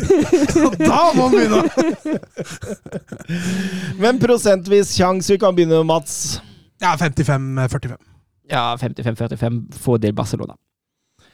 Ja, 55 Nei, jeg er 60-40 United, jeg, faktisk. Oi. Mm. Jeg må få noen av disse United-fansen på min side igjen. Jeg har, har vært for mye sånn. Men egentlig er det 80-20. Kommer City, eller? Eh, Real Madrid hadde spillefri. De spilte VM for klubblag og spiller vel ikke før onsdag kveld hjemme mot Elche. Det bør bli, bli tre poeng, det. Bør vinne den 99 av 100 ganger, uansett hvor mye denne Marokko-turen kosta dem. Ståle Andreassen har likevel et spørsmål om Real Madrid. Hvem blir ny manager i Real Madrid, og når? Og da refererer han jo til at Angelotti til stadighet blir linka litt ut i disse tider. Brasil-jobben virker kanskje litt forlokkende. Ja, hva, hva tenker vi?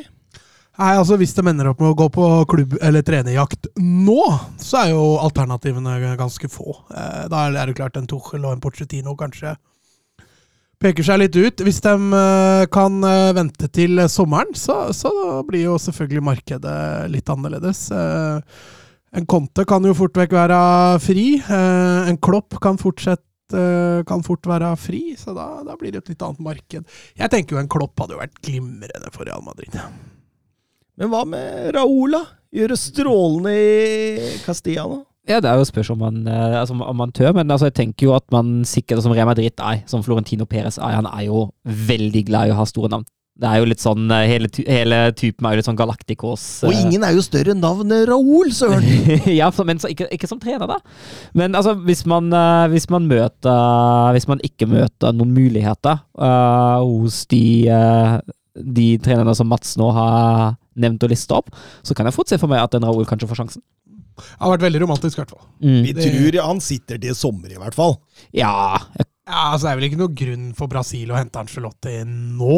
Eh, Det er vel ikke noen viktige kamper de skal gjøre før sommeren, men eh, jeg er jo for så vidt enig. En Raúl hadde vært, eh, vært digg. Det hadde vært kult. Jeg er ikke jeg noe utprega Real Madrid-supporter, men, men, men, men kult da med Savi i Barcelona Raúl i Real Madrid. Mm. Det hadde jo det hadde vært romant det er romantisk. Det er deilig. Um, Real Batis vant sin kamp borte mot Almeria, Mats. Ja, det gjorde dem også eh, ganske så eh, fortjent. Eh, Fikk jo, en, eh, fikk jo en god start der, og, men Almeria kom jo tilbake hver gang. Og så var det Guardado, da, ringreven, som fikk lov å eh, bli matchvinner på slutten der. Og Spilleren som har spilt mot vår tidligere gjest Espen Olsen. Det stemmer, han huska ikke hva han het engang. Men eh, ja, nei, det stemmer. Eh, Når kampen var ferdig, kanskje litt flatterende at eh, Betis eh, tok det til slutt der, men eh, det var, litt kvalitetsforskjell på lagene offensivt som, eh, som gjorde det. Og Valencia fortsetter å tape. Ja, det er nitrist. Eh, Våro fortsetter, og han har uttalt jo nå at han, han får ikke gjort noe særlig mer. Og, og, og det er, eh, nei, det er, bek, det er bekmørkt, altså. Eh, akkurat nå Akkurat nå er det fryktelig mørkt. Eh, ikke, gjør ikke noen dårlig kamp mot Bilbao heller, liksom, men, men det er liksom den, den flyten de er inne i nå, da. Altså, alt går imot. Nå føler man at jeg tror Valencia kunne tatt mot hvem som helst. Jørn Henland spør eh, starter Valencia i Segunda neste sesong. Eh, hvis jeg må gi et svar på det nå, så er svaret ja. det ser ikke bra ut. Eh, men jeg velger å tro at de kommer til å få inn en trener der, eh, som for dem sin skyld håper er litt mer entusiastisk, og, og, og som kan eh, bringe litt hva skal si, spillglede og energi da, inn i det laget der. Eh, for da har de jo kvaliteter, utvilsomt kvaliteter nok til å holde seg. Lytter og Valencia-supporter eh, Chris Robin Eriksen eh, skrev til oss at eh, eh, de er tydeligvis i forhandlinger med enten Vicente Moreno eller Ruben Baraja eh, om å ta over jobben. Moreno han er vel i, i Saudi-Arabia et eller annet sted, og, og Baraja han er vel Han mislykkes jo fullstendig i Saragossa her. Mm. Eh, Riktignok en klubblegende som Mm. men, men, romantisk igjen. Ja, litt romantisk, men jeg, jeg frykter, hvis Baraja kommer inn, at da rykker de ned. Mm. Jeg Enig. frykter det. Enig. Eh, Real Brady Hangeland, eh, noen betraktninger rundt krisen her? Er vi i ferd med å miste en av de største, eller, eller, hva, eller hva tenker vi hvis eh, Valencia rykker ned? Vil de komme opp igjen ved første mulighet, eller vil de da? Altså kan vi også nevne at det var jo store supporteraksjoner. Det var jo knapt nok folk på banen, nei, på tribunen når På banen var det heldigvis folk, men eh, Det var i hvert fall tolv pluss dommer. 12 pluss dommer. Ja, det stemmer. Det var 12 pluss dommer på banen når kamp- kampen blåste i gang. Da er det ikke så rart dere taper, heller. Sender bare ut på keeperen. Men det ser jo sånn ut for tida, altså.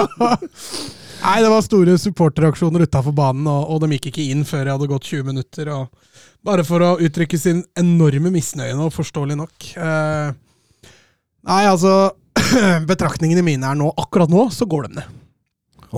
Men ja, men tar de en, tar de en Deportivo La Coruña, tar de en Malaga, går det enda lenger ned? Ja, det, det, og det er, det er frykten for Mm. det. Fordi de har, en, de har en, eh, en eier som ikke er villig til å spytte inn så veldig mye penger. og Det ser man jo, det er mye lånespillere og, og sånne ting. Og, og for sånne klubber da, som har såpass store budsjetter, uten å kunne reinvestere noe, det, det er tungt. altså. Veldig tungt. Og, og ingen tvil om at pengene i Segunda de sitter ikke like løst som det de gjør i La Liga. altså.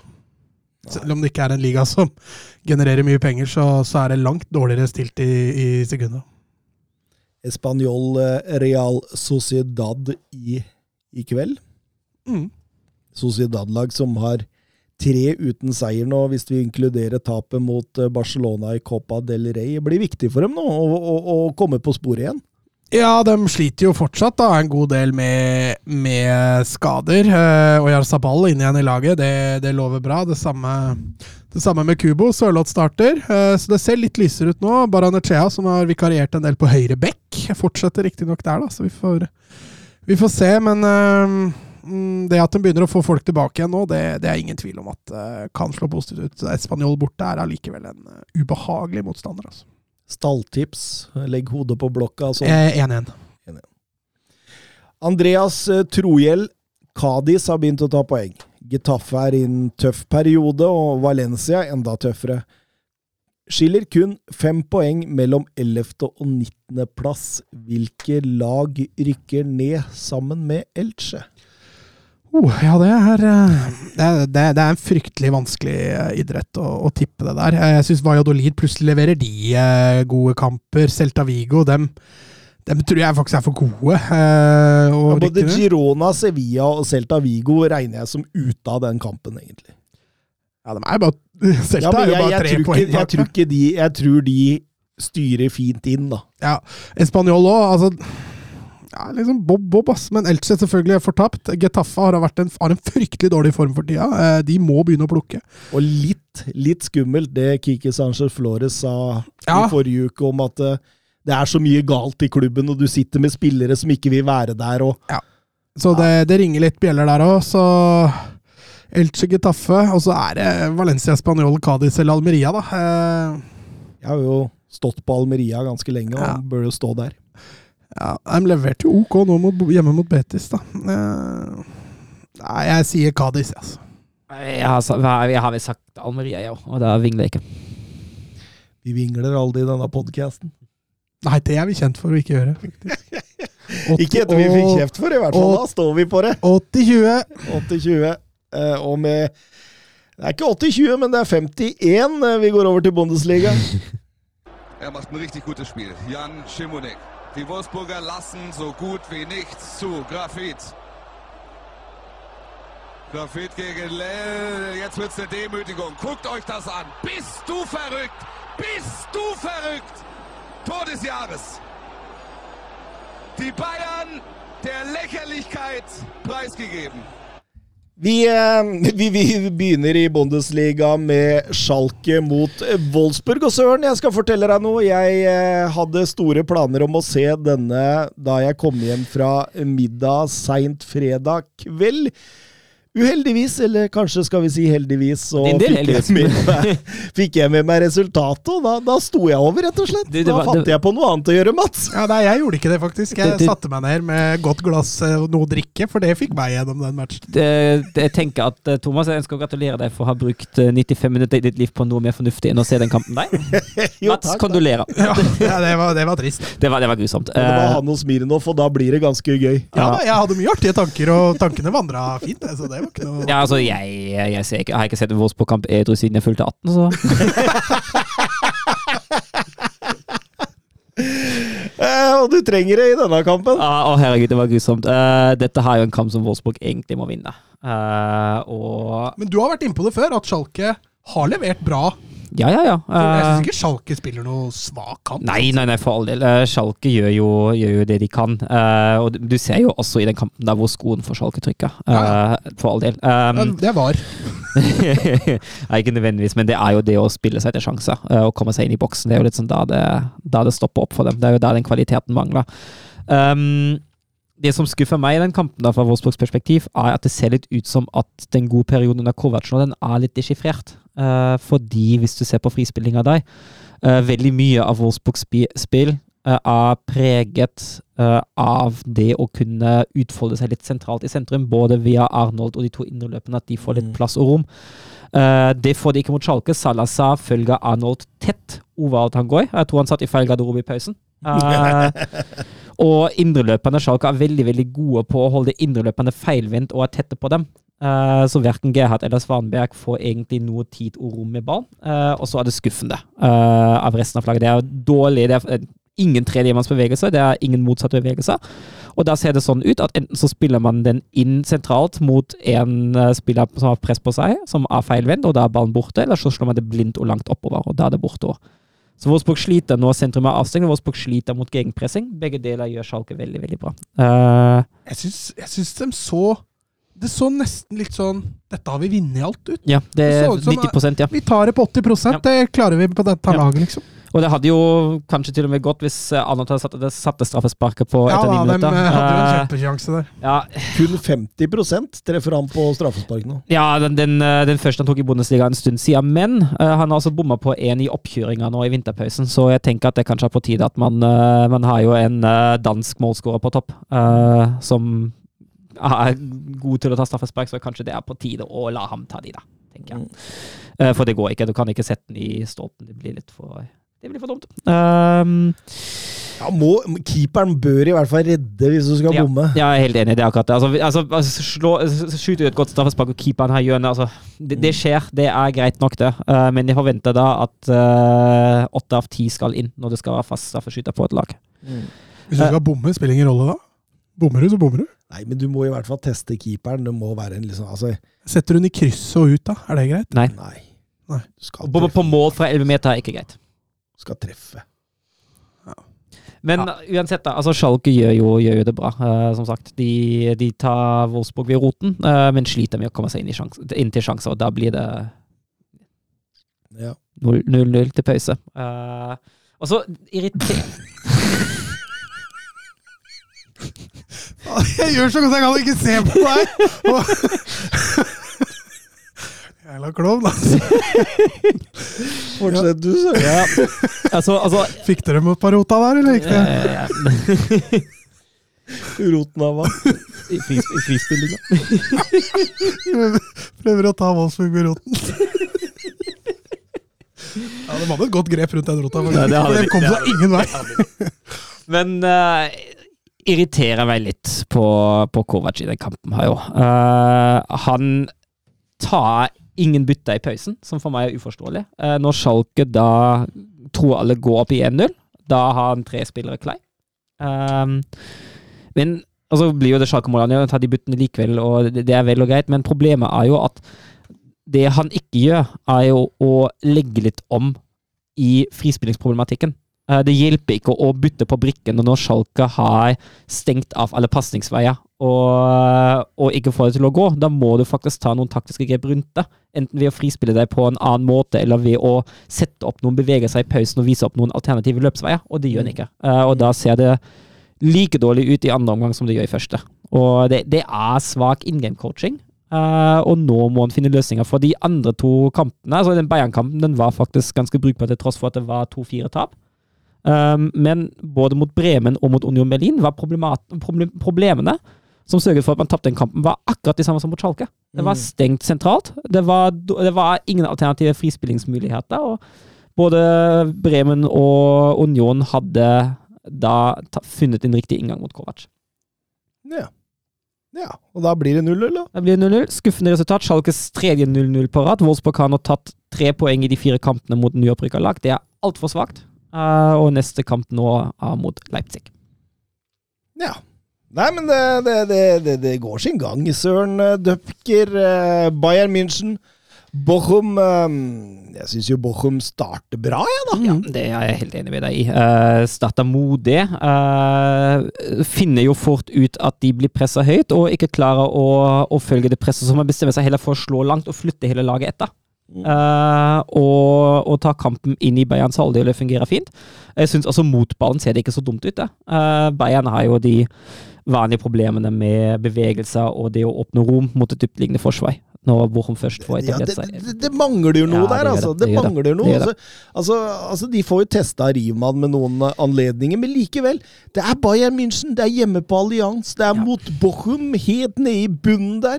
Det skal trykkes mer, det skal kjøres hardere. Altså, det er liksom Og, og, og, og når 1-0 kommer der ved Thomas Müller, så, så kommer det jo av at det er Janko, hjerneblødning, Janko, ja. ikke sant? Ja, det, det er en tilbakespill fra Janko som er helt katastrofe. Og Goretzka er inne på det etter kampen. altså Nagelsmann er kritisk. Uh, Goretzka sier det sjøl òg, at uh, han, med, han, føler at den siste energien mangler, rett og slett. Han sier at det ikke er noe feil med taktikken, at de blir godt nok forberedt, men at de ikke får det helt ut på banen om dagen. Uh, og jeg er jo, jeg er jo jeg vet, altså jeg vet ikke om jeg er helt enig i at den taktikken ikke er bra nok, for hvis ikke det funker som man prøver på, så må man jo endre på det. Uh, og jeg syns jo ikke at uh, løpsveiene er godt nok. Jeg syns de har blitt mye mindre direkte. Mm. Altså det Altså gjennom, mindre gjennombruddssist. Ja, du, Ja. du, du, ser det, du ser det i noen situasjoner. Uh, når Chopomoting spilles opp feilvendt, så er han i den kampen her ganske ivrig på å flikke videre. Mm. Men det er det eneste. Altså, og mot, og ut mot kant, da, da vender man opp, så tar man tre touches, og så slår man den videre inn sentralt. Og så, ja, Det går mye på tvers. Mm. Og, og, og, og man føler i hvert fall, når motstanderen ligger etablert, at det, at det, det, det må liksom noe fra Mosiala til. Ja, Eller en hjerneblødning på motstanderen. Ja, ja. Ja, eller det. Eller det. Eh, det var forresten eh, Müllers eh, 141. eh, 41. ja. ja. Eh, Bundesligamål, eh, men kun det åttende utenfor boks. Vi fikk kjeft av Jørgen Knutsen fordi vi glemte mm. forrige episode å hylle denne Thomas Müller, så vi, vi, vi la oss gi tre- 30 sekunder nå. Ja, han er jo mista Bayern München. Eh, det er jo spilleren som har vært eh, i klubben helt fra start, som har tilbrakt hele karrieren sin i Bayern, som er litt sånn hvis du, hvis du sier Bayern München, så forbinder du Thomas Müller automatisk med, med Bayern München. Uh, er nå den er nå utespilleren som har spilt flest kamper i Bundesliga for Bayern, har gått forbi uh, Gert Müller nå med den kampen her. Uh, og det er jo en utrolig prestasjon. Og han eh, han leverer som regel jevnt og trutt på et høyt, høyt nivå, og det har han gjort i, eh, i nesten 15 år. Eh, og det står det all respekt av. Vi trodde nesten han var litt ferdig under Kovac. Ja, vi trodde det. Da, da var det svakt. Mm. Uh, men han har kommet seg tilbake. Uh, og han, er, han viser jo at han fortsatt er viktig for det laget her, om i 33 år. Mm. Ja, helt klart. Og, og samarbeidet hans med Lewandowski, det er, jo, det er jo det jeg kommer til å huske mest av han. Ja, og så og så er han jo anvendelig, ikke sant? Han kan jo spille egentlig altså han er jo, han, Jeg syns jo han er best i den der uh, rollen bak en spiss, men han kan jo spille både på kant og til og med som uh, nier sjøl. Mm. Mm. En veldig fotballsmart spiller. En, en som, uh, en som ja, Han kalles jo ramløyter, han finner jo rom overalt, egentlig. Ja. ja, ja, absolutt. Eh, ja, ja, du skulle si noe mer? Ja, kan du videre på kamp, tenker jeg. Ja, det var der, det var der jeg er, men Ja. siden jeg er programleder, vet du, så, så må jeg dra dette Ja, videre. så god. Eller har du lyst til å bli programleder, så Nei, kan nei, nei, du kan, nei, kan bytte stol hvis du Nei, nei, nei, bli sittende, du. Nei, for det jeg skulle si, det er at uh, Bochum kommer jo ut fra, fra pause der og, og, gir dette et forsøk. De Mm. prøver jo. Ja, Jan Sommer må jo i aksjon et par ganger der. Ehm, allikevel, altså, mangler, altså Bochum mangler jo kvaliteten. Det er jo det som er, er forskjellen der, og du ser det angrepet for anledninga til 2-0 her. Det er, det er litt klasse. Der, der spiller de jo på et kjempeovertall motsatt, og, og Musiala, apropos romfortolker, kommer jo inn i det rommet han skal i akkurat riktig tid, og kun bare skyver ballen videre, så det er klasseskåring. Og da er det jo kjørt. Ja, Eh, Var det en liten Nei, det er kanskje ikke keepertabbe. Han slår det jo midt på keeperen, men han kommer så fort, så keeperen Ja. rekker ikke å lukke beina der. Jeg, jeg syns ikke det eh, han kan lastes for den. Og Janko han gjør en, uh, Ja, en kamp han- enda verre når ja. han lager straffespark, som Gnabri setter sjøl. Ja, soloklart straffespark. Uh, og så er det litt gøy at uh, Ibrahimovic uh, etterpå får sin debut i Bundesliga. Han er jo to Zlatan! Har han spilt i alle topp fem-ligaene nå? Nei, det er ikke Zlatan. Det er Han er faktisk ikke i slekt med i slekt med Zlatan heller, Eh, men det er, en, eh, det er en ung eh, spiller som heter Arjon Ibrahimovic. eh, 17 år. Født i Nürnberg i delstaten Bayern i Tyskland. Så god ut, altså, når han kom inn. Ja, han hadde jo to gode muligheter. Han har et navn å leve opp til, da. Mm. Så det forplikter, det navnet der. eh, nei, eh, ja. Og, og, og de, de får jo hvilt litt spillere, og det passer jo godt inn mot eh, tirsdagens bortekamp i eh, Paris. Eh, vi kommer tilbake til den litt senere i programmet. Vi går til eh, Werder Bremen mot eh, Dortmund, og eh, ja, de store sjansene de uteblir ganske lenge, men samtidig, det er jo Altså, det er, det, er, det, er, det er- en jevn fotballkamp. Liksom står og bikker lenge. Ja, i hvert fall første omgang, syns jeg. Uh, jeg syns jo Dortmund starta best. Uh, og komme til, komme til noen sånne halvsjanser. Du har én uh, brukbar der fra Royce, eh, og så er det synd at Mokoko må ut med skade og nå er ute i flere uker. Uh, Signerer han ny kontrakt, da? Han har gjort det allerede. Han har gjort det, ja. Ja, ja, han har Oi, gjort det. Eh, det var eh, Sebastian Kehl, sportssjefen, han har satt et ultimatum på ham. Han har sagt enten så signerer du inn første kamp igjen mot Augsburg, eller så får du ikke ny kontrakt. Og da signerte han før første kamp mot Augsburg. Ja. Så det var, det var godt jobba. Fornuftig. Veldig fornuftig. Um, nei, men jeg syns første halvtimen er Dortmund best. Det skapes ikke voldsomt mye. Uh, må jo ut på kant. Sentrumet er jo ganske stengt. Uh, og så finner de ikke helt veien inn fra kant og inn i boks. Det er liksom da det sliter at uh, Brandt er jo mye involvert. Guerrero er jo mye involvert. Uh, Ryerson uh, dukker også opp litt sentralt innimellom. Uh, men Brandt er bra for tida. Brandt er, Brandt er i form, ja. Han- han ser bra ut. Jeg har kritisert han så ofte. Etter at Han han var jo fullstendig ute under råset. Råse. Ja, men det jeg skulle fram til. Altså, jeg lanserte han som årets kjøp for et par år siden. Da var han jo fullstendig ubrukelig. Og men nå, nå ser han bra ut, altså. Og det, det siste, siste kvarteret syns jeg også at Bremen er gode til å gjenvinne tidligere sentralt. Eh, og på sin side legger kanskje litt press på Dortmund og kommer til noen avslutninger, i hvert fall. Eh, så at det er 0-0 til pause uavgjort, det syns jeg er helt greit. Kommer ut i annen omgang, så er det jo Det er jo en Jude Bellingham som tar tak i Ja, og, og du ser det, han har blitt flytta i rollen nå. Mm. Han, eh, han ligger ikke lenger som en, som en sånn indreløper som går og dreier mye ut på kant. Det er jo han som nå ligger helt sentralt i banen. Han ligger jo ofte, han starter jo ofte eh, veldig nær Sebastian Aller på topp. Mm. Og så går han og støter i de rom og gjør seg spillbar hele tida, og han er jo han er jo hjertet i Dortmunds spill i den andre omgangen. der. Ja, helt fantastisk. Han, han leder han. Han er en hærfører, Mats. Han, Ja. altså jeg, det, det, det er sjelden jeg er så imponert over liksom allround-egenskapene til en spiller som er så ung. Ja, nei, han er jo Han er jo nydelig. Han er ganske komplett allerede, som du er innpå. Han får jo bare Jeg føler nesten for hver kamp han spiller, så får han bare en viktigere og viktigere rolle. Både av trenere, men også av medspillere. da. Ja. De ser jo til han nå. Ja, de gjør det. De gjør det. Så når det butter litt, så la oss heller bare gi ballen til Bellingham, så fikser han det. Kommer inn på disse løpa. Jeg syns Ja. de løpa Ja. inn i boks blir blir flere og flere og flere. Jeg er helt enig. Uh, Redninga der til Pavlenka. Ja, den er, den er, den er sterk. fader, Ja, altså. den er sterk. Nei, og det, det, er jo litt, det er jo litt det, da, at han, øh, han øh, Men han tar, altså samtidig, han tar jo Det er ofte også han som starter angrepet, og så tar han bare og løper. Og det er, det er sterkt, altså.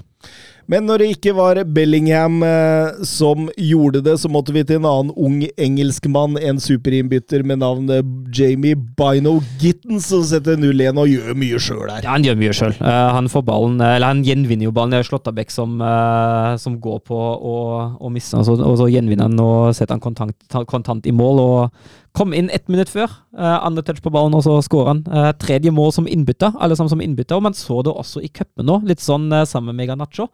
Han starta i cupen, men det er ikke helt det samme når han starta. Han er en ordentlig trussel fra benken. Uh, da ser det ofte bra ut, men eh, det å starte, det tar nok litt tid. Mm. Dortmunds 15. mål uh, av en spiller under 20 år denne sesongen. Det er like mange som de resterende 17 Bundesliga-laga. Det, det sier jo litt om hvordan man driver, hvordan man drifter en klubb, hva som er ideene bak her. Altså, er du ung og talentfull, så er det ikke dumt å gå til Dortmund. Og, og, og dere var inne på Mokoko, at han skrev under ny kontrakt. Det er det lureste han har gjort noen gang, tror jeg. Og så er du ung nok, eller er du god nok, så er du gammel nok. og eh, Det sier jo litt ekstra da, at Dortmund ligger der de ligger, i tillegg da, til at de bruker alle disse unggutta. Det, det er jo bare å hylle. Ja, ja, helt klart. Og, og Julian Brandt setter 0-2 der. Vi, Ja. vi, eh, vi hylla jo han litt for eh, sesongen han er i ferd med å ha. Og, og Geir Halvor Kleiva han spør har Dortmund noen gang nå, eh, eller er det bare inne i en god formkurve? Jeg føler litt begge deler. Har, no, har noe på gang, står det. Ja. Ja. Eh, det, jeg, skjønte, det. Men jeg, føler, jeg føler det er begge deler. Um, det hjelper jo å ha den formkurven og den tryggheten. At man vinner. Og det har ikke vært Ikke alle kamper har vært like overbevisende. Jeg syns den første omgang mot Brem den er ikke særlig bra. Uh, Lever, Leverkosen uh, var lenge en vrien kamp for Dortmund. Uh, det som jeg syns er er sterkt. Eh, det er litt sånn både den bredden som de har i toppen, at du kan, eh, du kan da kaste inn eh, nye spillere som, som kan avfyre den kampen, men også Terzic. Uh, er fortsatt kritisk til ham, og jeg syns han ikke alltid nødvendigvis treffer på inngangene. men jeg syns han er blitt bedre og bedre til å ta og finne de riktige grepene underveis ja, i kampen. Det ser jo han gjør i Ja. denne kampen òg. Ja, og gjør, det gjorde han mot Leverkosen òg. det er de grepene som han gjør, eh, som, som bytta kampen mot Leverkosen, var jo det å flytte Chan dypere inn i det mellomrommet og, og stoppe Wirtz fra å fordele derfra. Og nå er det jo det å, å flytte Bellingham i en meget sentral rolle, og la spillet gå via ham. Samtidig treffer han på byttene sine. Eh, og det kan man komme langt med. Er det ikke en vesentlig faktor at Hummels nå sitter på benken for tida? Ja, det, altså det, For de, de slipper jo ikke inn så mye mål heller. Nei, nei, nei, de gjør ikke det, og det ser jo trygt ut bak. Eh, det hjelper jo også at Kobel er eh, høy, høy klasse, for all del. For det er ikke alltid det forsvaret ser 100% trygt ut, særlig når de skal forsvare egen boks. Eh, samtidig er det jo også sånn at Hummels han har tatt imot den rollen der. Det er jo han som, det er, jo han som er borte og trøster Mokoko når han må av med skade. eh, før halvtimen har spilt i den kampen der. Han har blitt en far. Men, men, men, eh, men Geir Alve Kleiva er også inne på hvordan de spiller for tida. og det, det, de, de spiller jo veldig Dortmundsk, altså ganske offensiv, veldig direkte type fotball. De skal ha med seg bekkene som breddeholdere. Eh, forskjellen på Dortmund nå, og som man altså de, Du kan på mange måter si de fleste kjenner dem, så er det jo det at man har dratt det litt ned. Man tar litt flere risikoanalyser. Man tar litt mer hensyn til motstanderen. Man prøver å ikke gå i den der gang-ho-fella som det veldig ofte har gjort før, da. Ja, altså det, det, er ikke så, det er ikke så kaotisk lenger. Det er ikke Hawaii. Nei. Eh, Og så kan, og så kan du si at det blir Hawaii noen ganger, men Ja, du ser dem ja. prøver å unngå det, da. Ja, ja og det, og det syns jeg jo er sterkt. Uh, Det ser jo, ser jo bra kontrollert og Det gir en helt annen trygghet i spillet. Mm. Så ja, altså, Og noe på gang. altså Det kan godt hende. Jeg tror ikke det blir seriegull, men jeg er 100% overbevist om at det blir topp fire. Det er jeg enig i. Eh, Leipzig, Union, Berlin Ja, vi sparte høydepunkten til. Å, herregud, det, det var en kamp uh, som ikke bød på mye underholdning. Uh, kan Fine mål, da! Fine mål. Uh, kan jo nevne at uh, Willy Orban han satt på benken ikke pga. skade, Eh, men eh, han Den hørte jeg, ja. ja, han, han ga beinmark. Han eh, ble funnet uh, som en, uh, en beinmarksgiver for en som vel, Leukemi, er det ikke? Ja, for en som har leukemi, og da hadde han vel operasjon på, på onsdag og ga beinmark, og var da ikke helt klar til den kampen her. Men både klubben og han var Når han sier det, så Men jeg, jeg, han begynte sånn beinmark Så han ga beinmark, tenkte jeg. Hvem, hva, hva, er, hva, Hva er er, hva er beinmark? for noe? Og så kom jeg på du, Jeg har jo lest det, egentlig. Så. Men det er, det er en fantastisk gest. ja, fantastisk. Og både klubben og spilleren var jo helt enige i at dette her gjør vi selvfølgelig. Og det er veldig fint. Det, Så hull, hull, hull, internasjonal fotball trenger noen uh, rosenrøde historier òg, og det, det viser jo det at uh, fotballspillere er vanlige mennesker med med Bein og marg. Ja, ja, om du vil si det så. Så nei, det, det, det er flott. Det er jeg helt enig i. Det er, Det- er flott. Eh, på banen Vi ser jo en typisk Union Berlin-kamp. Det er jo det vi ser. Eh, De får, de får du 100 Ja, Bortsett fra at de slipper inn litt tidlig, da, så får du jo 100 som de vil. Ja, uh, det er sentrum er stengt. Eh, Det er gode sideforskyvninger. Det er nesten aldri undertall på kant, eh, da det lar seg gjøre å holde spillerne feilvendt hele tida.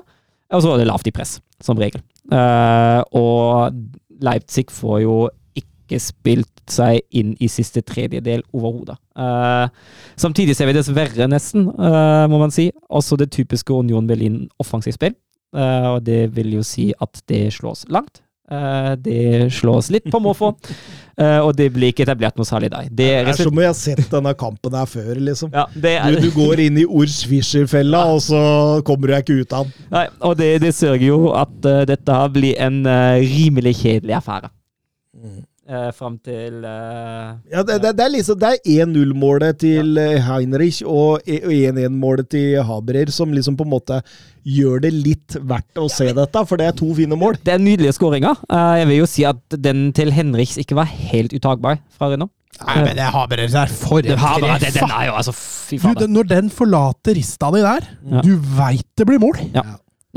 Og så har jo Dardai for Herta Hertha BSC mot Mönchengladbach på søndag. Han har, han har også et helt fenomenalt treff, så det var litt sånn den runden i uh, Bundesliga. Men det, det som er jo fascinerende, er jo også at selv nå Union Berlin går, ligger unna med 1-0 etter 24 kampbildet forandrer seg ikke noe nevneverdig. Altså, Neida, Leipzig, neida. Leipzig trekker seg litt mer tilbake og overlater litt mer av ballen til Union Berlin, for de vet veldig godt hvor svakhetene til Union Berlin ligger. Men det blir ikke noe fyrverkeri av den grunn. da. Nei, kampen blir avgjort på straffespark. Sima Khan der, som Nei, går litt rotete inn, og, og, og det blir en hens. Hoppa, hoppa med hånda først i ballen, det er jo helt katastrofe. Han ser jo ut som en håndballspiller som Ja. skal inn og blokke et skudd. blir straffe som Knoche setter sikkert, og eh, Leipzig prøver å jage, får også et mål der. Jørgen Mhm. Knutsen. ehm, snakk gjerne om eh, annulleringen til Paulsen i kampen eh, Leipzig-Union.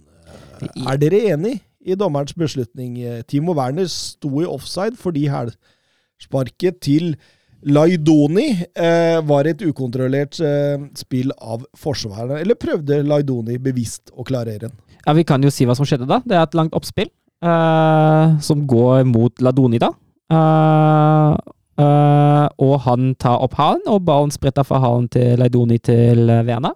Som står i som står i offside. Uh, og i det påfølgende angrepet skårer da uh, RV Leipzig via noen eh, flere stasjoner. Eh, og dommeren går ut på skjerm og bestemmer seg for at dette her er eh, en såkalt ukontrollert klarering. Og jeg er riv ruskende uenig i den avgjørelsen. Eh, den regelen eh, med den ukontrollerte klareringa, det gjelder når du klarerer egentlig litt uten mål og mening under press. Blir Eh, skutt på. blir skutt på, eller noe sånt. Ja, ja. men Leidoni prøver å spille den her kontrollert. At det ikke fungerer som det skal. At det går rett og slett til helvete. Det kan da ikke Werner lastes for. Dette er en kontrollert spill av ballen. Det er ikke en motspiller å se i nærheten. At han kløner det til, har han bare seg sjøl å takke. At den blir avblåst, er så feil som det går an å bli. Jeg er enig, altså. Ja, jeg er enig. Ja. Mm. Så da, da var det ikke så mye å diskutere på den, Jørgen. Eh, Vi er ganske enige i at det burde stått eh, 2-2 der. ja. Og det, det blir jo press mot slutten der, og det, de har jo nok sjanser til å, sette Ja. 2-2 likevel. Det er jo to store på, på Forsbekk og Polsen, og det var nok riktig bytte, men de kom kanskje litt seint. Mm. Mm. Å få inn de to. Fordi eh, de gir en litt annen dimensjon i Leipzig-spillet mot slutten. der. Og da vinner Union sin femte strake Bundesliga-seier for første gang i klubbens historie. De var på en dupp rett etter VM. Man trodde kanskje at nå, nå ryker det, men eh, så har de snudd trenden, og det er ekstremt imponerende, altså. Ja, og Ja, etter 20 kamper så ligger de ett poeng bak. Ja, det er jo helt spinnvilt. helt helt, helt sykt, altså. Kim Jansen lurer på om de kommer til å henge med videre. Jeg, tror ikke de, er, de kan kjempe til seriegull om slutt, men at de kan henge med videre helt inn i, om Champions League-plassene, ja. Det kan de. Ja, for den Champions League-plassen, den er jo litt sånn Altså, jeg syns det ligger veldig til rette for at det er Bayern München, Dortmund og RB Leipzig som tar de tre. Mm. Det er jeg helt enig med deg i. Og så er det det racet om den eh, fjerde siste plassen der. Og den, den, tro, den, altså, den kan fort ende opp med å bli avgjort mellom Freiburg og Union, og det er skikkelig kult. Mm. Um, Frank, det- Frankfurt, Frankfurt er ikke helt ute Frankfurt er ikke helt ute, nei. Men Frankfurt har hatt en ordentlig fondup sånn rent spillemessig, og de tapte nå også 3-0 borte mot Köln. Ja. Uh, og spillemessig ser det ikke sånn superbra ut. Uh, i- En borte mot Köln kan mange tape, ja, altså. det, ja, ja, det er jeg jo enig i, men altså, vi har jo snakka litt om, uh, om Schalke-kampen også. Det ser rent spillemessig ikke sånn veldig bra ut, men så klart, de kan uh, komme seg igjen. Eh, det som er med det Union-laget, at de er så utrolig vanskelig å slå. Mm. Eh, det er et lag som er så stabilt, som ligger så godt organisert, at det, de kan skape trøbbel for et hvilket som helst lag, altså. Eh, Så får de jo tidvis Diego Simione til å se offensiv ut. Da. ja, ja, ja, for all del. Ja, det, det er faktisk godt gjort. Ja. Men uh, altså, jeg tror det blir et rotterace om den fjerdeplassen. Altså. Jeg tror det. Og det er jo de, eh, de tre klubber der. Uh, og jeg avskriver på ingen måte Frankfurt. Eh, men det, det står mellom Frankfurt, Freiburg og Union. Det er seks vært- poeng fra Leipzig opp til Union, altså. Men jeg tror Leipzig tar det likevel. Ja, det tror jeg. Det tror jeg. Jeg tror det, Kvaliteten i toppen er, er litt større, altså. Ja, men For Leipzig opp til Freiburg er vel bare ett eller to poeng, Ja, eller det- noe det- det så, så det er ikke langt opp til Champions Nei, nei, League for Leipzig. Jeg bare sier at for Leipzig opp til Berlin, som ligger på andre, så er det et Mm. lite hopp. Freiburg vant jo 2-1 over Stuttgart. Er litt heldig, faktisk. Ja, to straffemål var det det, av Grifo. Ja. Mens Hoffenheim med, ny trener tapte 1-3 mot Leverkosen, og Jørgen Knutsen spør eh, ingen vellykka debut for Pellegrino Matarazzo i Hoffenheim. Er han rett mann? Kan han holde klubben over streken? Ja, og den, eh, den kampen var fryktelig av, uh, av Hoffenheim. Det har fullt fortjent seier. til Bayer Leverkosen. Um, han er jo ikke en sånn klassisk uh, redningsmann for klubben. Han er jo en prosjekttrener. Uh, han kjenner klubben fra før. Uh, han har vært juniortrener og assistenttrener til Nagelsmann da han var i klubben. Det var nok et argument for Hoffenheim å ansette ham. Men ellers er jo dette her en litt sånn utypisk trener for et nedrykkslag. Han Han, han har jo en eg utprega offensiv stil, egentlig. Uh, han liker jo å spille, å spille offensiv fotball, gi offensive friheter, og er ikke så så defensivt anlagt som andre trenere som gjerne hentes av klubber der nede. Og det er både sjanse og risiko.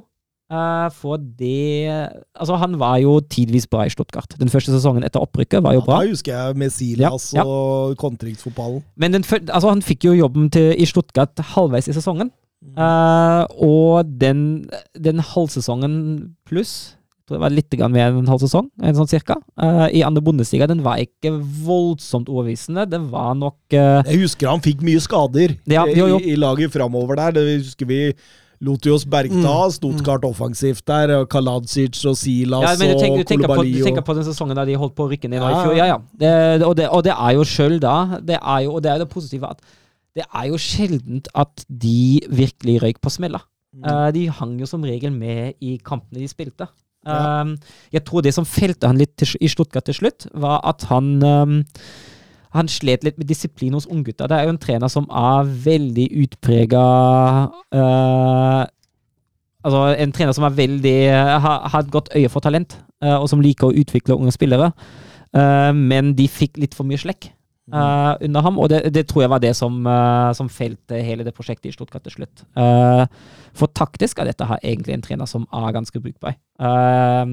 for å svare på spørsmålet, jeg tror at Hoffenheim med Materazzo berger plassen. og jeg tror også at det kan bli et spennende prosjekt de neste sesongene. De har ikke vunnet i Bundesliga siden 14. oktober. Du kan Nei. si at eh, Breitenreiter mislykkes ja, voldsomt etter å ha tatt over for Samtidig er jo ikke altså det, er, det er også en rød tråd, da. Breitenreiter er også en, en trener selv har mislyktes, da, som har jo lyst til å spille litt sånn aktiv fotball sjøl. Uh, eh, så det er ikke helt uh, så langt fra hverandre. Uh, jeg tror nok at Materazzo er et bedre valg og en bedre fotballtrener enn det Breitenreiter er. og han kan få det på rett spor igjen. Men det er, det er, en viss risiko da om dette har tar for lang tid. Uh, men samtidig, altså, hvis du ser på de lagene som er der nede, altså, det, er, det er mye svakt, altså. Mm. Schalke, Stuttgart, Hertha og Bochum under seg på tabellen, så det, det er jo absolutt lag som de ja, bør kunne ha. Ja, Schalke, altså, jeg mener jo at Schalke er jo allerede fortapt. Jeg ser ikke at Schalke kommer seg bort fra de to siste plassene. Ja, Så har de med Augsburg også rett foran seg, som varierer veldig. så... Mm. Nei, det er muligheter der. Altså. Ja, lite opp til Mainz der, som sannsynligvis redder plassen også. Ja, det gjør ja. de. Eh, serie A. Era il marcatore di Cannavaro. Palla tagliata, messa fuori, c'è Pirlo, Pirlo, Pirlo, ancora Pirlo di tacco, tiro, gol! Grosso, grosso, gol! Gol di Grosso! Vi, eh, vi, begynner turen eh, der du nettopp var, Søren. Vi begynner mm. på San Siro. Milan mot uh, Torino. Pioli som fortsetter med denne Trebecks-linja si. Han er desperat. Ja. Jeg tror han er skikkelig ja, desperat. Tror jeg han er, altså. Eh, kan også nevnes at Zlatan var tilbake på benken. Ja. Har han, ikke, han, har ikke spilt siden 22. mai i fjor. Tror vi Zlatan kan bli redningsmannen etter hvert, Mats? Han har jo ferdighetene til det, og mentaliteten til det, så får vi se om han har kropp til det. Det er vel det som blir, eh, blir det store aberet her. Det er klart, eh, Giroud skårer jo med jevne mellomrom, selv om Milan sliter, så det er ikke bare bare å Han må levere også, hvis han skal inn her og prege dette laget. Mm. Det var Milans 3000. kamp i Serie A. Eh, fjerde laget som når det tallet. Eh, Inter, Roma og Juventus er lagene som har, har nådd det tallet tidligere. Og, og, det er jo et Milan som altså, Det er høye skuldre. Man slurver i pasningsspillet, man klarer ikke å slippe seg løs. og, og det, det, er jo nesten altså, Det er jo Torino egentlig som er fullt på høyde, og kanskje bedre. I, i I hvert fall i store deler av Mm. første omgangen. Ja, jeg er helt enig. Det, det som mangler, er liksom den siste biten inn til siste tredjedel og inn i boks. Uh, for altså, kan vi øyne litt framskritt, i hvert fall på det defensive, da? Ja, Uh, for altså men, men, jeg, men jeg er veldig skuffa over altså, Torino, Ivan Juric. Eh, Jeg syns ikke de spiller noe god kamp heller, så jeg Neida. føler at Milan fikk det ganske lett. Altså. Ja, jeg kan være enig i det. Uh, men uh, kanskje greit å klamre seg til det man uh, kan ut ifra Milans perspektiv, da. Mm. Uten at jeg er Milan-supporter. Og det er ikke mye nå, Mats. Nei, det er tynn suppe, ass. Eh, jeg er litt enig med deg. De ble ikke satt på de helt store prøvene fra Torino. Eh, eh, jeg, jeg tror de fikk en sånn liten, liten håndsrekning her fra, fra Torino. Og så får vi jo bare håpe for Milans del nå at de tar med seg det de kan fra denne matchen. For nå, nå må de begynne å redde stumpene hvis de skal ha Champions League. For, for prestasjonsmessig etter nyttår har vært det er midt på tabellen, altså, i beste fall. Ja, det er, det er fullstendig natta. Det, det, det var ikke noe bedre enn denne kampen her, selv om Giroud gjør et flott mål der etter rundt timens spill. eh, Så, så, så, så er det ikke noe, noe, noe bedre. Eh, Det, det er bare det at det møter et Torino-lag som virkelig ikke har dagen, som ikke kommer opp på det på en måte det energiske nivået du veit de har inne, som sliter litt, får ikke involvert Miranchuk. Det er mye rart der. Eh, jeg, jeg tror ikke det var Milans eh, fortjeneste heller. Jeg tror rett og slett bare det var to lag som var ganske dårlige, som møttes her, og det blei en dårlig fotballkamp. Ja, det ble det i hvert fall. Det, det er jeg helt enig i. Og apropos dårlig fotballkamp, hvis vi går videre da til Juventus mot Fiorentina, det, det, det, der, er, der er noe av det verste jeg har sett. Ja, altså, Altså, det der, er der altså. altså det, det går Diego Simione og Atletico Madrid en høy gang. Det er ikke mulig, Juventus, å oppføre seg sånn og opptre på den måten der hjemme på Allians. Jeg blir Altså, jeg blir helt matt, altså. Du, du blir ikke varm i bamsen. Nei, det, ja, det varm i bamsen, ja. Det var fra forrige uke, det. Nei, jeg blei ikke varm i bamsen av, av, av det spillet her. Altså, det er en dårlig fotballkamp, og det Altså Altså, når de får 1-0, riktignok, med Rabiot der kan ikke si at de går for 2-0. Nei, nei, det gjør de i hvert fall ikke. De går, de går fortsatt for 0-0, faktisk. Ja, tror jeg. jeg tror de fortsatt håper på 0-0. Ja. Jeg vil, jeg vil, si, jeg vil heller si at uh, Fiorentinas kontradekning er så katastrofal at det ikke lar seg unngå at det kommer noen muligheter der. Ja, altså det, det var helt utrolig. Altså det var såpass svak underholdning at jeg satt faktisk og vurderte å skrive mail til VGTV og spørre om å få penga mine igjen. Altså, det, det der, der var minutter kasta ut vinduet. Og du kan si det, da! Altså Juventus får jo det de vil. De får tre poeng. Eh, Rabiot nok en gang. Jeg vil fanke meg klubbens toppskårer omtrent, i hvert fall på hjemmebane der. Eh, og Nei, det jeg, begynner bare å le, for det, var det, det, det, er, det, er- Jeg kunne sett Wolfsburg, tror jeg. faktisk. Ja, det, var cirka samme. Nei, altså, den, den der Der var kanskje litt mer underholdende enn Wolfsburg-kampen, til og med. ja, men det er fordi det ble ett mål. Ja, det blir et mål, og så Ja. blir det litt så Det blir jo to offside-mål der òg, og så blir det litt grann flere målsituasjoner i Juventus mot Fiorentina. Men Ja. ellers var det nok samme tynne suppe, ja. Ja, for Dusan Vlaovic trodde jo at han hadde satt eh, 2-0. Ja, det trodde han, men eh, da var det hårfin offside. Uh, og det samme var jo på Tror du han var fornøyd med at han ikke jubla. Torsan Blaovic.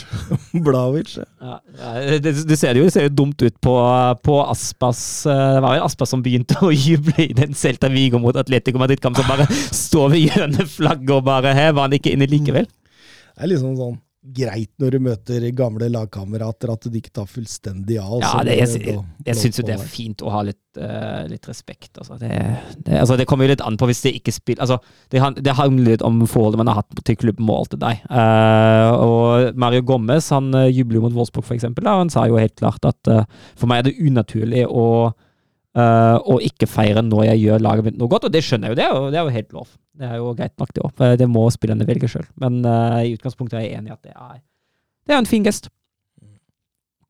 Gjør det Henland. Er Pogba ferdig på toppnivå? Ryktene vi hadde til at Juventus terminerer kontrakten. Hvis så skjer, hvem vil ha han? Er jo et vandrende skademareritt ma- skademareritt. Som ikke presterer når han er skadefri nisselue på, spør også om Pogba har slutta med fotball. Ja, og så kommer vi i tillegg da til det Jørn Henlandsen helt korrekt sier, at uh, han er jo ikke den letteste å ha med i garderoben heller. Det er jo uh, Jeg kan se for meg at han er en ganske krevende spiller å ha i stall. For, Juventus skal jo være eh, irriterte. De skal være irriterte for hans oppførsel på sosiale medier. De skal være irriterte fordi han utsatte denne kneoperasjonen som, for å øke sjansene for å komme til VM, og så klarte han ikke å komme til VM, og, og da ble han enda senere klar for spill for Juventus. og, og, og det kommer veldig lite fram rundt Pogba for tida. Jeg har sett treningsbilder av han, jeg har sett at han fins. At han, at, han- at han spiller fotball? Ja, at han, at han er der. Altså, Eh, han satt vel på benken nå for en eh, forrige match, eller noe sånt? Heksedoktoren har ikke tatt han? Nei, heksedoktoren har fortsatt ikke tatt han, men altså 22-23-sesongen har jo uansett vært en dundrende fiasko for, eh, for Paul Pogba. Mange krumspring uta på banen. Dere nevner heksedoktor. Altså, ikke komme til VM, få et setback på skaden sin. Eh, Det, har- det, har- det har skjedd mye der, og, og jeg tror ikke det skal så mye til for et økonomisk pressa Juventus kanskje kaster den på dør, altså. Ja, men sparer vel en del lønnskostnader, da. Og det er Det er ikke bare bare å si opp en spiller, da. Neida. Det koster deg, I verste fall koster det deg kontrakten hans. Så Ja, det har jo Wolfsburg opplevd med Kroos òg. Ja, eh, men hvem er det som tar det over, da? United, da? 700 mil? Nei, United Nei, tar vel ikke det der når de akkurat har klart å kvitte seg med Ronaldo. Så er det ikke noe vits i å begynne på et nytt prosjekt. det da er jo en sånn typisk overgang til Saudi-Arabia eller noe sånt. Nei, jeg tenker også det. Altså, Det er 29, da. ja, men hvem toppklubb i Europa er som tar i han, da? Nei, det er jo det, da. Og så tenker jeg at uh, Pogba Nå kan det hende at dette er feil, uh, men han slår meg litt som type med at gir du ham nok penger, så går han dit. Kan hende PSG, da. At de syns det er litt romantisk å få den hjem, liksom. Jeg syns Galtier Nei, ja, nei, det er sant. eh, Kim Jansen spør om de er helt ute av topp fire, Juventus. Er de det? Er, er det mulig å komme tilbake? Tolv vel- poeng? Er Fem, kam, fem lag imellom. Må passere Odinese, Torino, Lazio, Milan og Roma. Og det er jo ikke Altså, det er ikke bare ett lag som må på en skikkelig formsvikt her. Altså, det er i hvert fall tre av de ganske store. Altså, det er ett poeng opp til Udinese og Torino, så, så det tar dem nok. Men så er det Lazio, da. De varierer jo veldig. De kan ta Lazio. Milan er i elendig form nå, så de kan kanskje ta dem òg. Og Roma òg varierer veldig, så det kan Og det er mye, der er det mye, nå er det mye kan, altså, så Jeg likte bedre svaret ditt med nei, faktisk. Ja, nei, jeg ser ikke helt at det skjer, men eh, det er jo som du sier, da. Det er vel tolv poeng eller noe sånt opp, eh, opp, eh, opp til Champions League. Og de må forbi Lazio, de må forbi Milan, de må forbi Roma eller Atalanta. Det, Det går ikke. nei, det blir, høres veldig tungvint ut. Og, og Juventus imponerer jo ikke. Vi må ikke glemme det, altså. Det er ikke sånn at Juventus vinner resten av kampene sine, Nei, liksom. det gjør de ikke. De spiller ingen drømmefotball, spiller på marginer, og, og da kommer også poengtapa. Det er klart, det. Så nei, jeg er helt enig. Eh, vi må over til noe atskillig artigere, og da snakker vi Napoli. Eh, er det en ting Spalletti driver lite med, så er det å rullere på laget sitt. Jeg tenkte kanskje dette var en kamp å kunne bruke en Østigård, en Elmas, kanskje en Dombele, Simione, men nei da. Kjører den faste, faste elveren sin fra start, og ja, så tenkte jeg, det kan nok godt være fordi det var Cremonese som slo dem ut Mhm. fra Coppa Italia eh, med et ganske reserveprega lag, og at han ikke tok noen sjanser, men de eh, får jo grei skuring her. Ja da, de tar initiativet egentlig fra, fra første slutt. Cremonese har noen kontringsmuligheter med noe langskudd og sånn, men det er vel egentlig aldri trua. Når eh, Kvaratskhelia tar saken i egne hender der etter ca. 20 minutter, så, så ser de seg jo ikke tilbake. og da Cremonese er vel egentlig aldri i nærheten. Hva, hva, når du ser Roma nå, Søren eh, Nei, Roma, sier jeg. Napoli nå. Det er, altså, det er jo Napoli er jo et av de lagene man gleder seg til å se. Ja, og det er, det er gøy. Det er Ja. gøy. Og du, vet- du veit hva som kommer. Du veit at her kommer det underholdende angrepsfotball. Mm. Og det, det er så herlig. Er du fotballfan og ikke sett Napoli denne sesongen, så har du missa noe. altså. Ja. En ting er jo, er jo fotballen de spiller, men det er altså typene de har. da. Altså Først og fremst Kvaratskhelia, som er Åh, Han er så deilig fotballspiller, liksom. Mm. Uh, han har så mye fantastiske attributter. da. Uh, Er du glad i tikki-taka-fotball og sånn, da, så sett deg ned og bruk litt tid på Kvaratskhelia. For det ja, da, blir, da blir du varm i bamsen. Det kan jeg garantere. Varm i bamsen-garanti kan jeg gi på Du kan gi det på Jeg kan gi det på Kvaratskhelia. Ja, kan nesten gi det på Oshimen nå. Så, så, altså, har, han har ikke noen strålende kamp denne gangen, men, men eh, ha, han er jo der hele tida. Ligger og trykker, ligger og, og Og, og utrolig bevisst på posisjonering i boks når det kommer innlegg. Det å finne rommet mellom stopper og bekk. Ufattelig flink. Og hvis han kommer i fart, så kan han gå mellom stopper og stopper. Eh, nå er det jo ikke akkurat et sånt mål han skårer, men han får flere sånne innleggsmuligheter hvor han kommer først på ball. Ja, det er, eh, det er nesten hver gang, altså. Absolutt, og det er jo Kvadraskela og, og Shimen som setter 1-0 og 2-0, og de har full kontroll. Elmas kommer inn der og, og, og setter 3-0. Nydelig avslutning der, eh, på halv volley. Eh, og det, det, det, det glir så ekstremt bra nå, da. Det, og, og du ser det er bare fryd og gammen fra ende til annen. Altså, spillere som blir bytta ut, de unner andre spillere å gå ut på banen. Det er en glede der. Du ser en Spalletti som kødder med spillerne sine når de blir tatt av banen. altså Løfter dem opp i lufta og, og, og flirer og ler. Og, og et publikum der, altså. eh, På 3-0 der rett før, eh, før slutt, hvordan liksom hele stadion bare i unison hylles til laget, liksom. Eufori. Ja, ja. Det, det, det, det, går ikke an, på en måte. Og, altså, de, har- de har toppa det hele, da. Eh, Ja, men dette er jo følelsen, lyden, feelingen da, av flyt, av, av det å prestere. Da. Dette hadde jo ikke vært hvis man ligger på tiendeplass og Kvarasjkela hadde vært ute i ti måneder. Liksom. Det, da hadde det jo ikke vært sånn. Så resultater, så kommer gjerne den feelingen.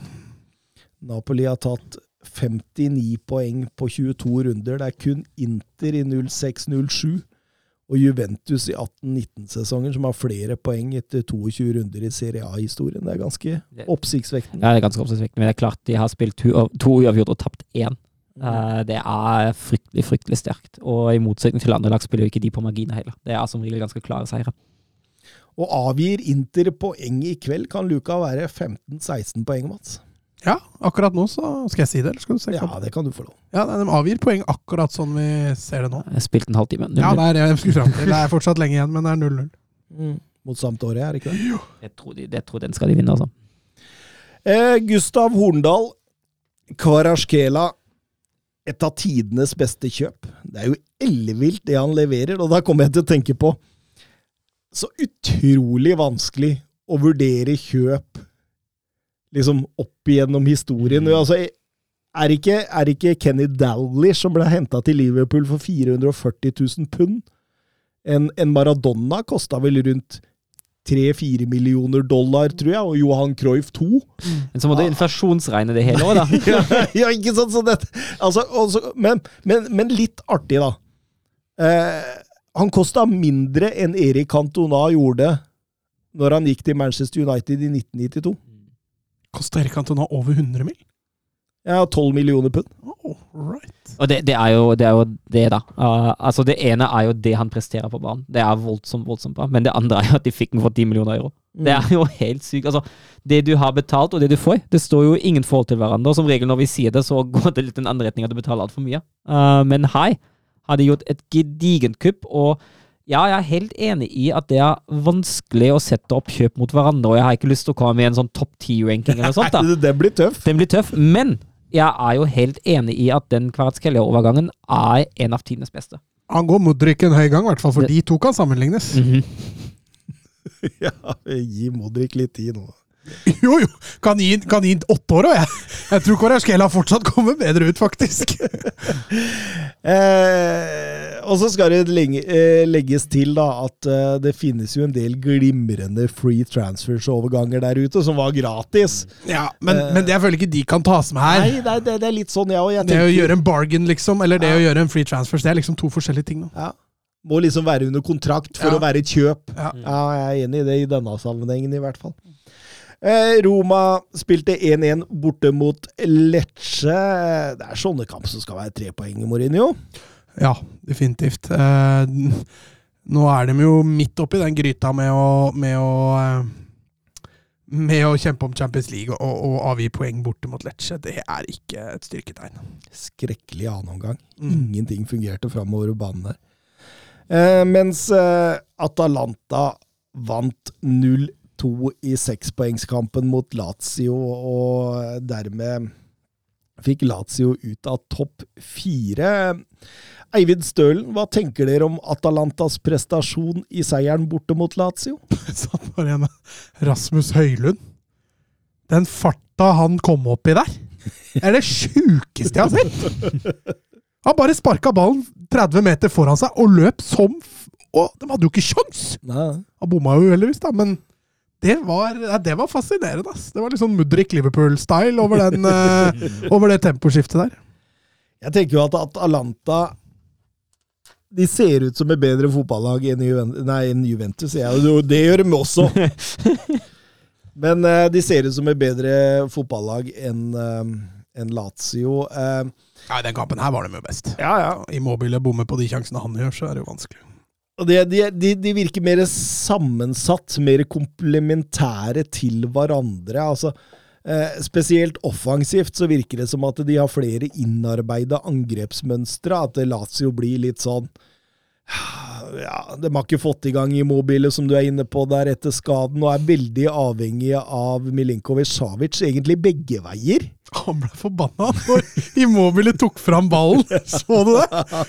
Milenkovic har gjort hele jobben, kommer Immobile og skyter 100 meter over. Ja, Da ble han forbanna.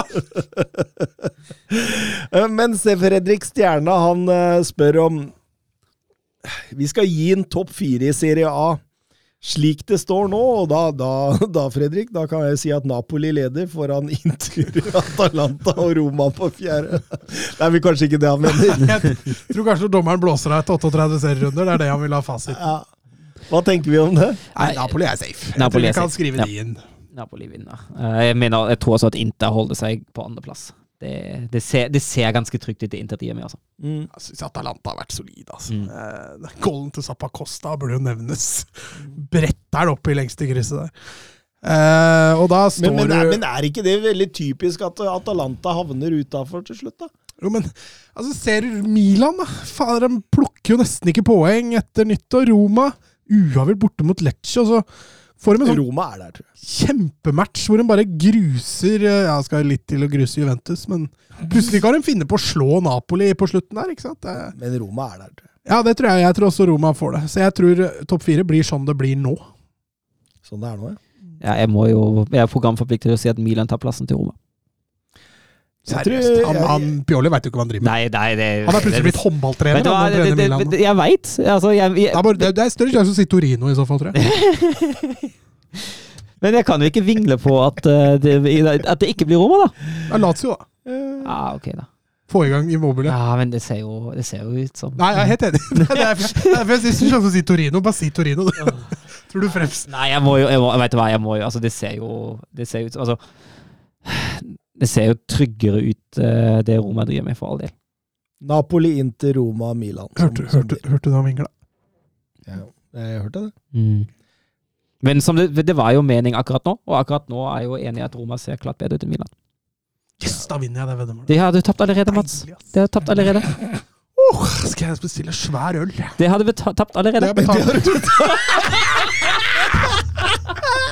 det har du betalt! Nei, men det er helt nydelig. Bare ta med neste gang, du, Søren? Så tar jeg det, jeg. Det har du betalt allerede! Eh, Det var sterkt, det. Vi går til liga. sur la frappe de Messi de, de Mercado, Mercado, oui. Mercado, et, et là aussi on a un petit peu de réussite. Griezmann sur l'appui, c'était bien joué avec Giroud. Oh, Donne, Sylvain donne. Oh, Sylvain, il l'a vu Oui. Kylian Mbappé Kylian Mbappé, il l'a vu Ça fait 4 Et ça fait peut-être un quart de finale pour l'équipe de France 68e minute Oh, la joie collective parce qu'ils ont tous jailli du banc pour aller saluer cette passe décisive géniale de Giroud et ce doublé pour Kylian Mbappé Vi begynner i førstedømme Monaco, som tok imot eh, Paris Saint-Germain. Og det var jo et Paris Saint-Germain hvor man hvilte veldig mange spillere pga. eh, Champions League-kampen mot eh, Bayern München i morgen. Eh, Samt det var noen som Ja, Mbappe og Messi, de Ja, de var vel, de var vel litt småskada, men begge to er nå i troppen til Bayern-kampen i morgen. Det var viktig for dem. Ja. Det ryktes at Messi kan være klar fra start, men Mbappe nok ikke av det. Men han kan få noen minutter likevel. Et godt gammeldags B-lag de stilte med der. Det var jo kun Donnaroma, Marquinhos og Neymar som er bankers i elveren, som starta der, Mats. Vitinha også pleier vel å spille en del, gjør han ikke det? Jo, men han er jo ikke bankers.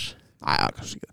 Nei, og det får de jo svi veldig for. Eh, Bichiabo han, eh, han har virkelig henda full i den matchen her. Han sliter, eh, sliter i flere aspekter av den kampen her. Pembele på, på høyrebekken, vingbekken, og han også eh, henger ikke helt med, og det det ser man jo. altså Saire Emry er jo selvfølgelig et lyspunkt. Jeg syns han, han, er fantastisk, altså. Eh, ser ut som en million. Eh, Ekitiko er, er selvfølgelig Men han, han også blir litt borte i den kampen. Jeg føler Monaco Altså Det er rart å si det, men jeg føler Monaco har god kontroll, egentlig.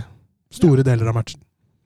Ja, jeg tror ikke Neymar blir jo helt Ja, Neymar er i Han blir jo form. altså. skygge av seg sjøl, altså. Du, du, du, eh, du, du blir ikke hengt av den, eh, av den eh, meningen der, Mats. Eh, Golovin setter jo tidlig 1-0 der, og, og som du er inne på, Biciabo på 2-0. Han prøver jo å skjerme ballen fører han, innover i ballen! fører han med beinet nærmest forsvarsspilleren i tillegg. Da. Det blir jo bare enklere å miste ballen. Da. Diatta takler, og, og Ben Yedder setter 2-0 der etter 17, og så er de nære 3-0 også, med Aguilar der etter 25. og det, det er et PSG som ikke kommer opp. De er ikke i nærheten, og de sliter tungt på grunn av Du ser laget ikke er samspilt, du ser at det Det er for mange forandringer. Ja, det er rett og slett for mange forandringer. Her er et lag som tenkte det, at ok, taper vi, så taper vi. Det er det som skjer i Champions League på tirsdag. Det er det som teller for oss. Jeg kan jo forstå en tankegang, for de har jo vunnet league og uansett. Ja, ikke sant? Det skal så mye til. Ja. For uh, der har de sjanse én, sjanse to, sjanse tre, sjanse fire, og du ser eh, bommer dem og, og får dårlig form en periode, så har ikke det noe å si, for de er like Ja, ustabile, de laga bak. Det eneste jeg har noe å si, er jo litt sånn eh, stemningen blant supporterne, for den er jo ikke akkurat på topp om dagen.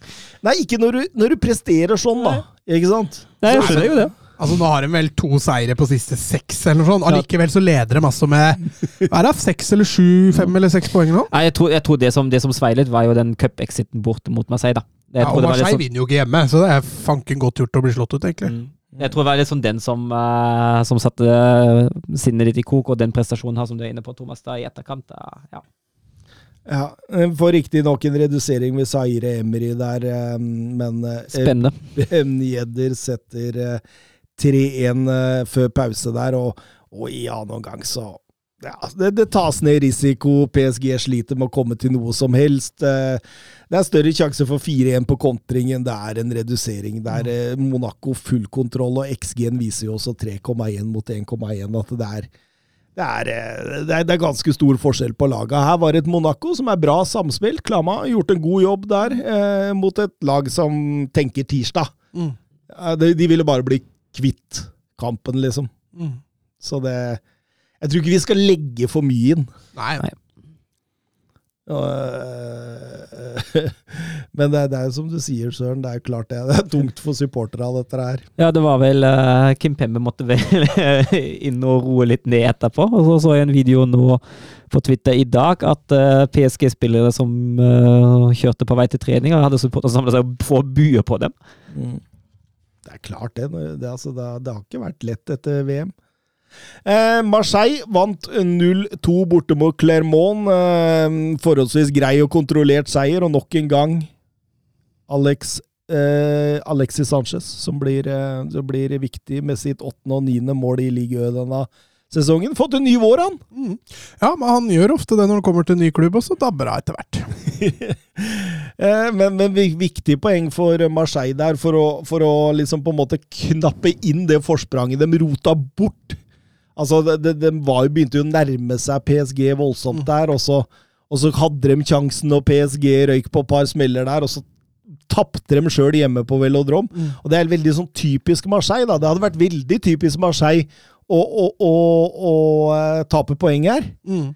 Men, men nå tar de tre poeng inn igjen, og det tror jeg var viktig for dem. Um, vi må også nevne at eh, vår eh, kompis Will Still. Will Steele 4-0-seier mot Troja der. Men fikk du med deg at han har tapt nå? Ja, det var for- I, i, i cupen. Han tapte i cupen mot Toulouse, men han er fortsatt ubeseiret i ligaen.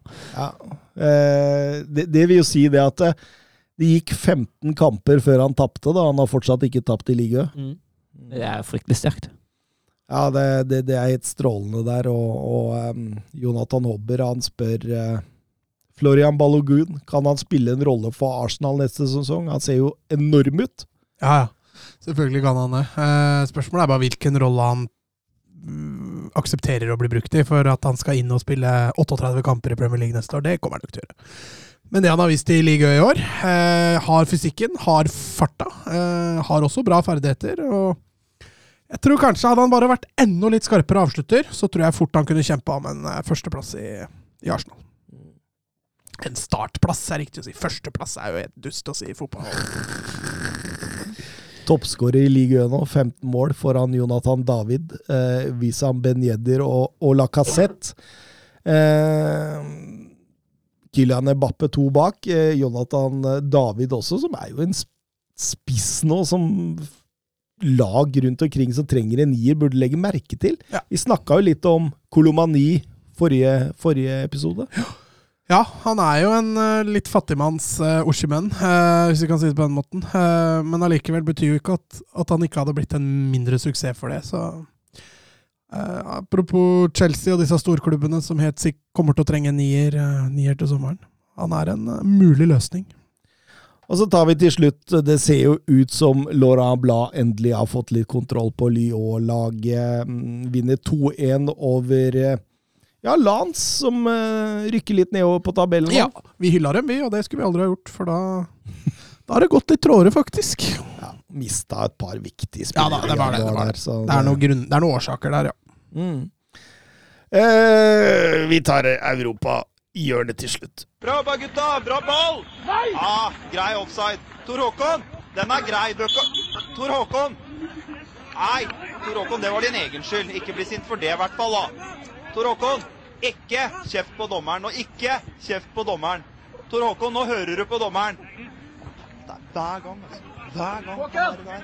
Eh, vi begynner vi med Ja, du har vel ikke noe nytt med LSK, har du det, Mats? Spilte treningskamp mot Stabæk. Ja, det nevnte du forrige gang òg, tror jeg. Nei, HamKam! Unnskyld, HamKam! Spilte treningskamp mot HamKam. Eh, vant eh, 3-2. Ja.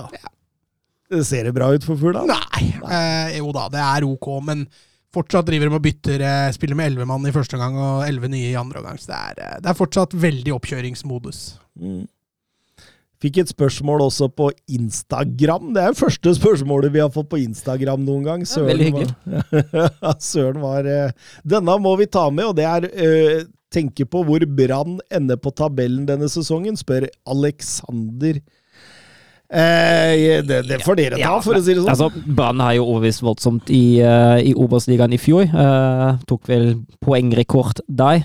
Uh, vant nesten alle kamper de spilte. Og så har de jo holdt laget godt sammen. De har ikke mista en eneste sentral brikke. Eh, samtidig som de har forsterka litt med uh, Jafet Seri Larsen og Tore Pedersen inn. Eh, og det laget ser jo godt og innspilt ut. Altså, nå er det jo nå er det jo ikke bare bare å gå fra å dominere fullstendig i Obos-ligaen og videreføre det til Eliteserien. Det har jo annet Ålesund eh, også måttet erfare under Bohin da de rykket opp eh, før 2020-sesongen. Men eh, jeg syns jo det Brann-laget det det ser trygt og bra ut, og jeg kan fint se for meg at Brann klarer å, å komme seg til øvre halvdel neste sesong. Ja, Fjerdeplass. Klink!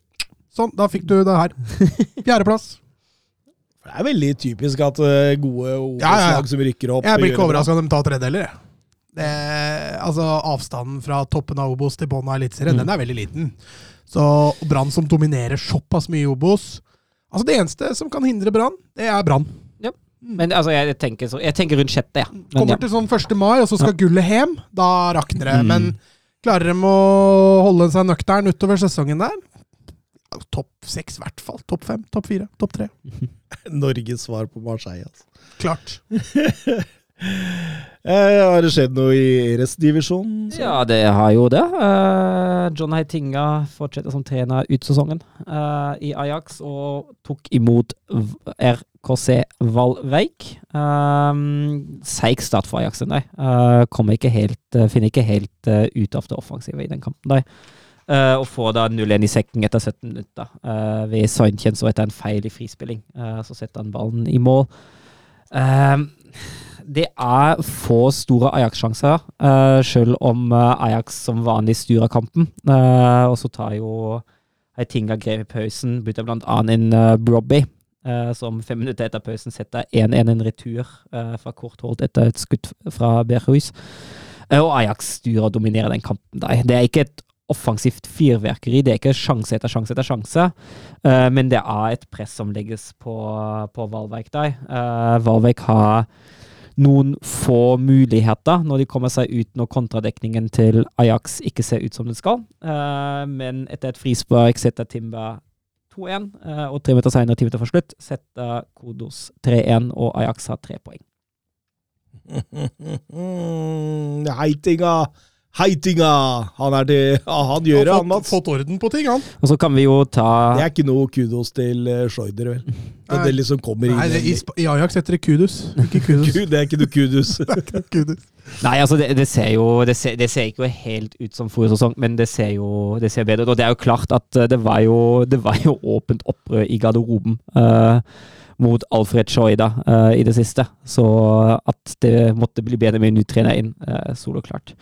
Uh, de andre kampene uh, Feyenoord vant 2-1 borte mot Heerenveen. Uh, Tvente slo Vollendam 3-0. PSV vant hele 6-0 mot uh, Roningen, og AZ slo Excelsior 5-0. Uh, på tabellen gir det Feyenoord en førsteplass med 6, 46 poeng.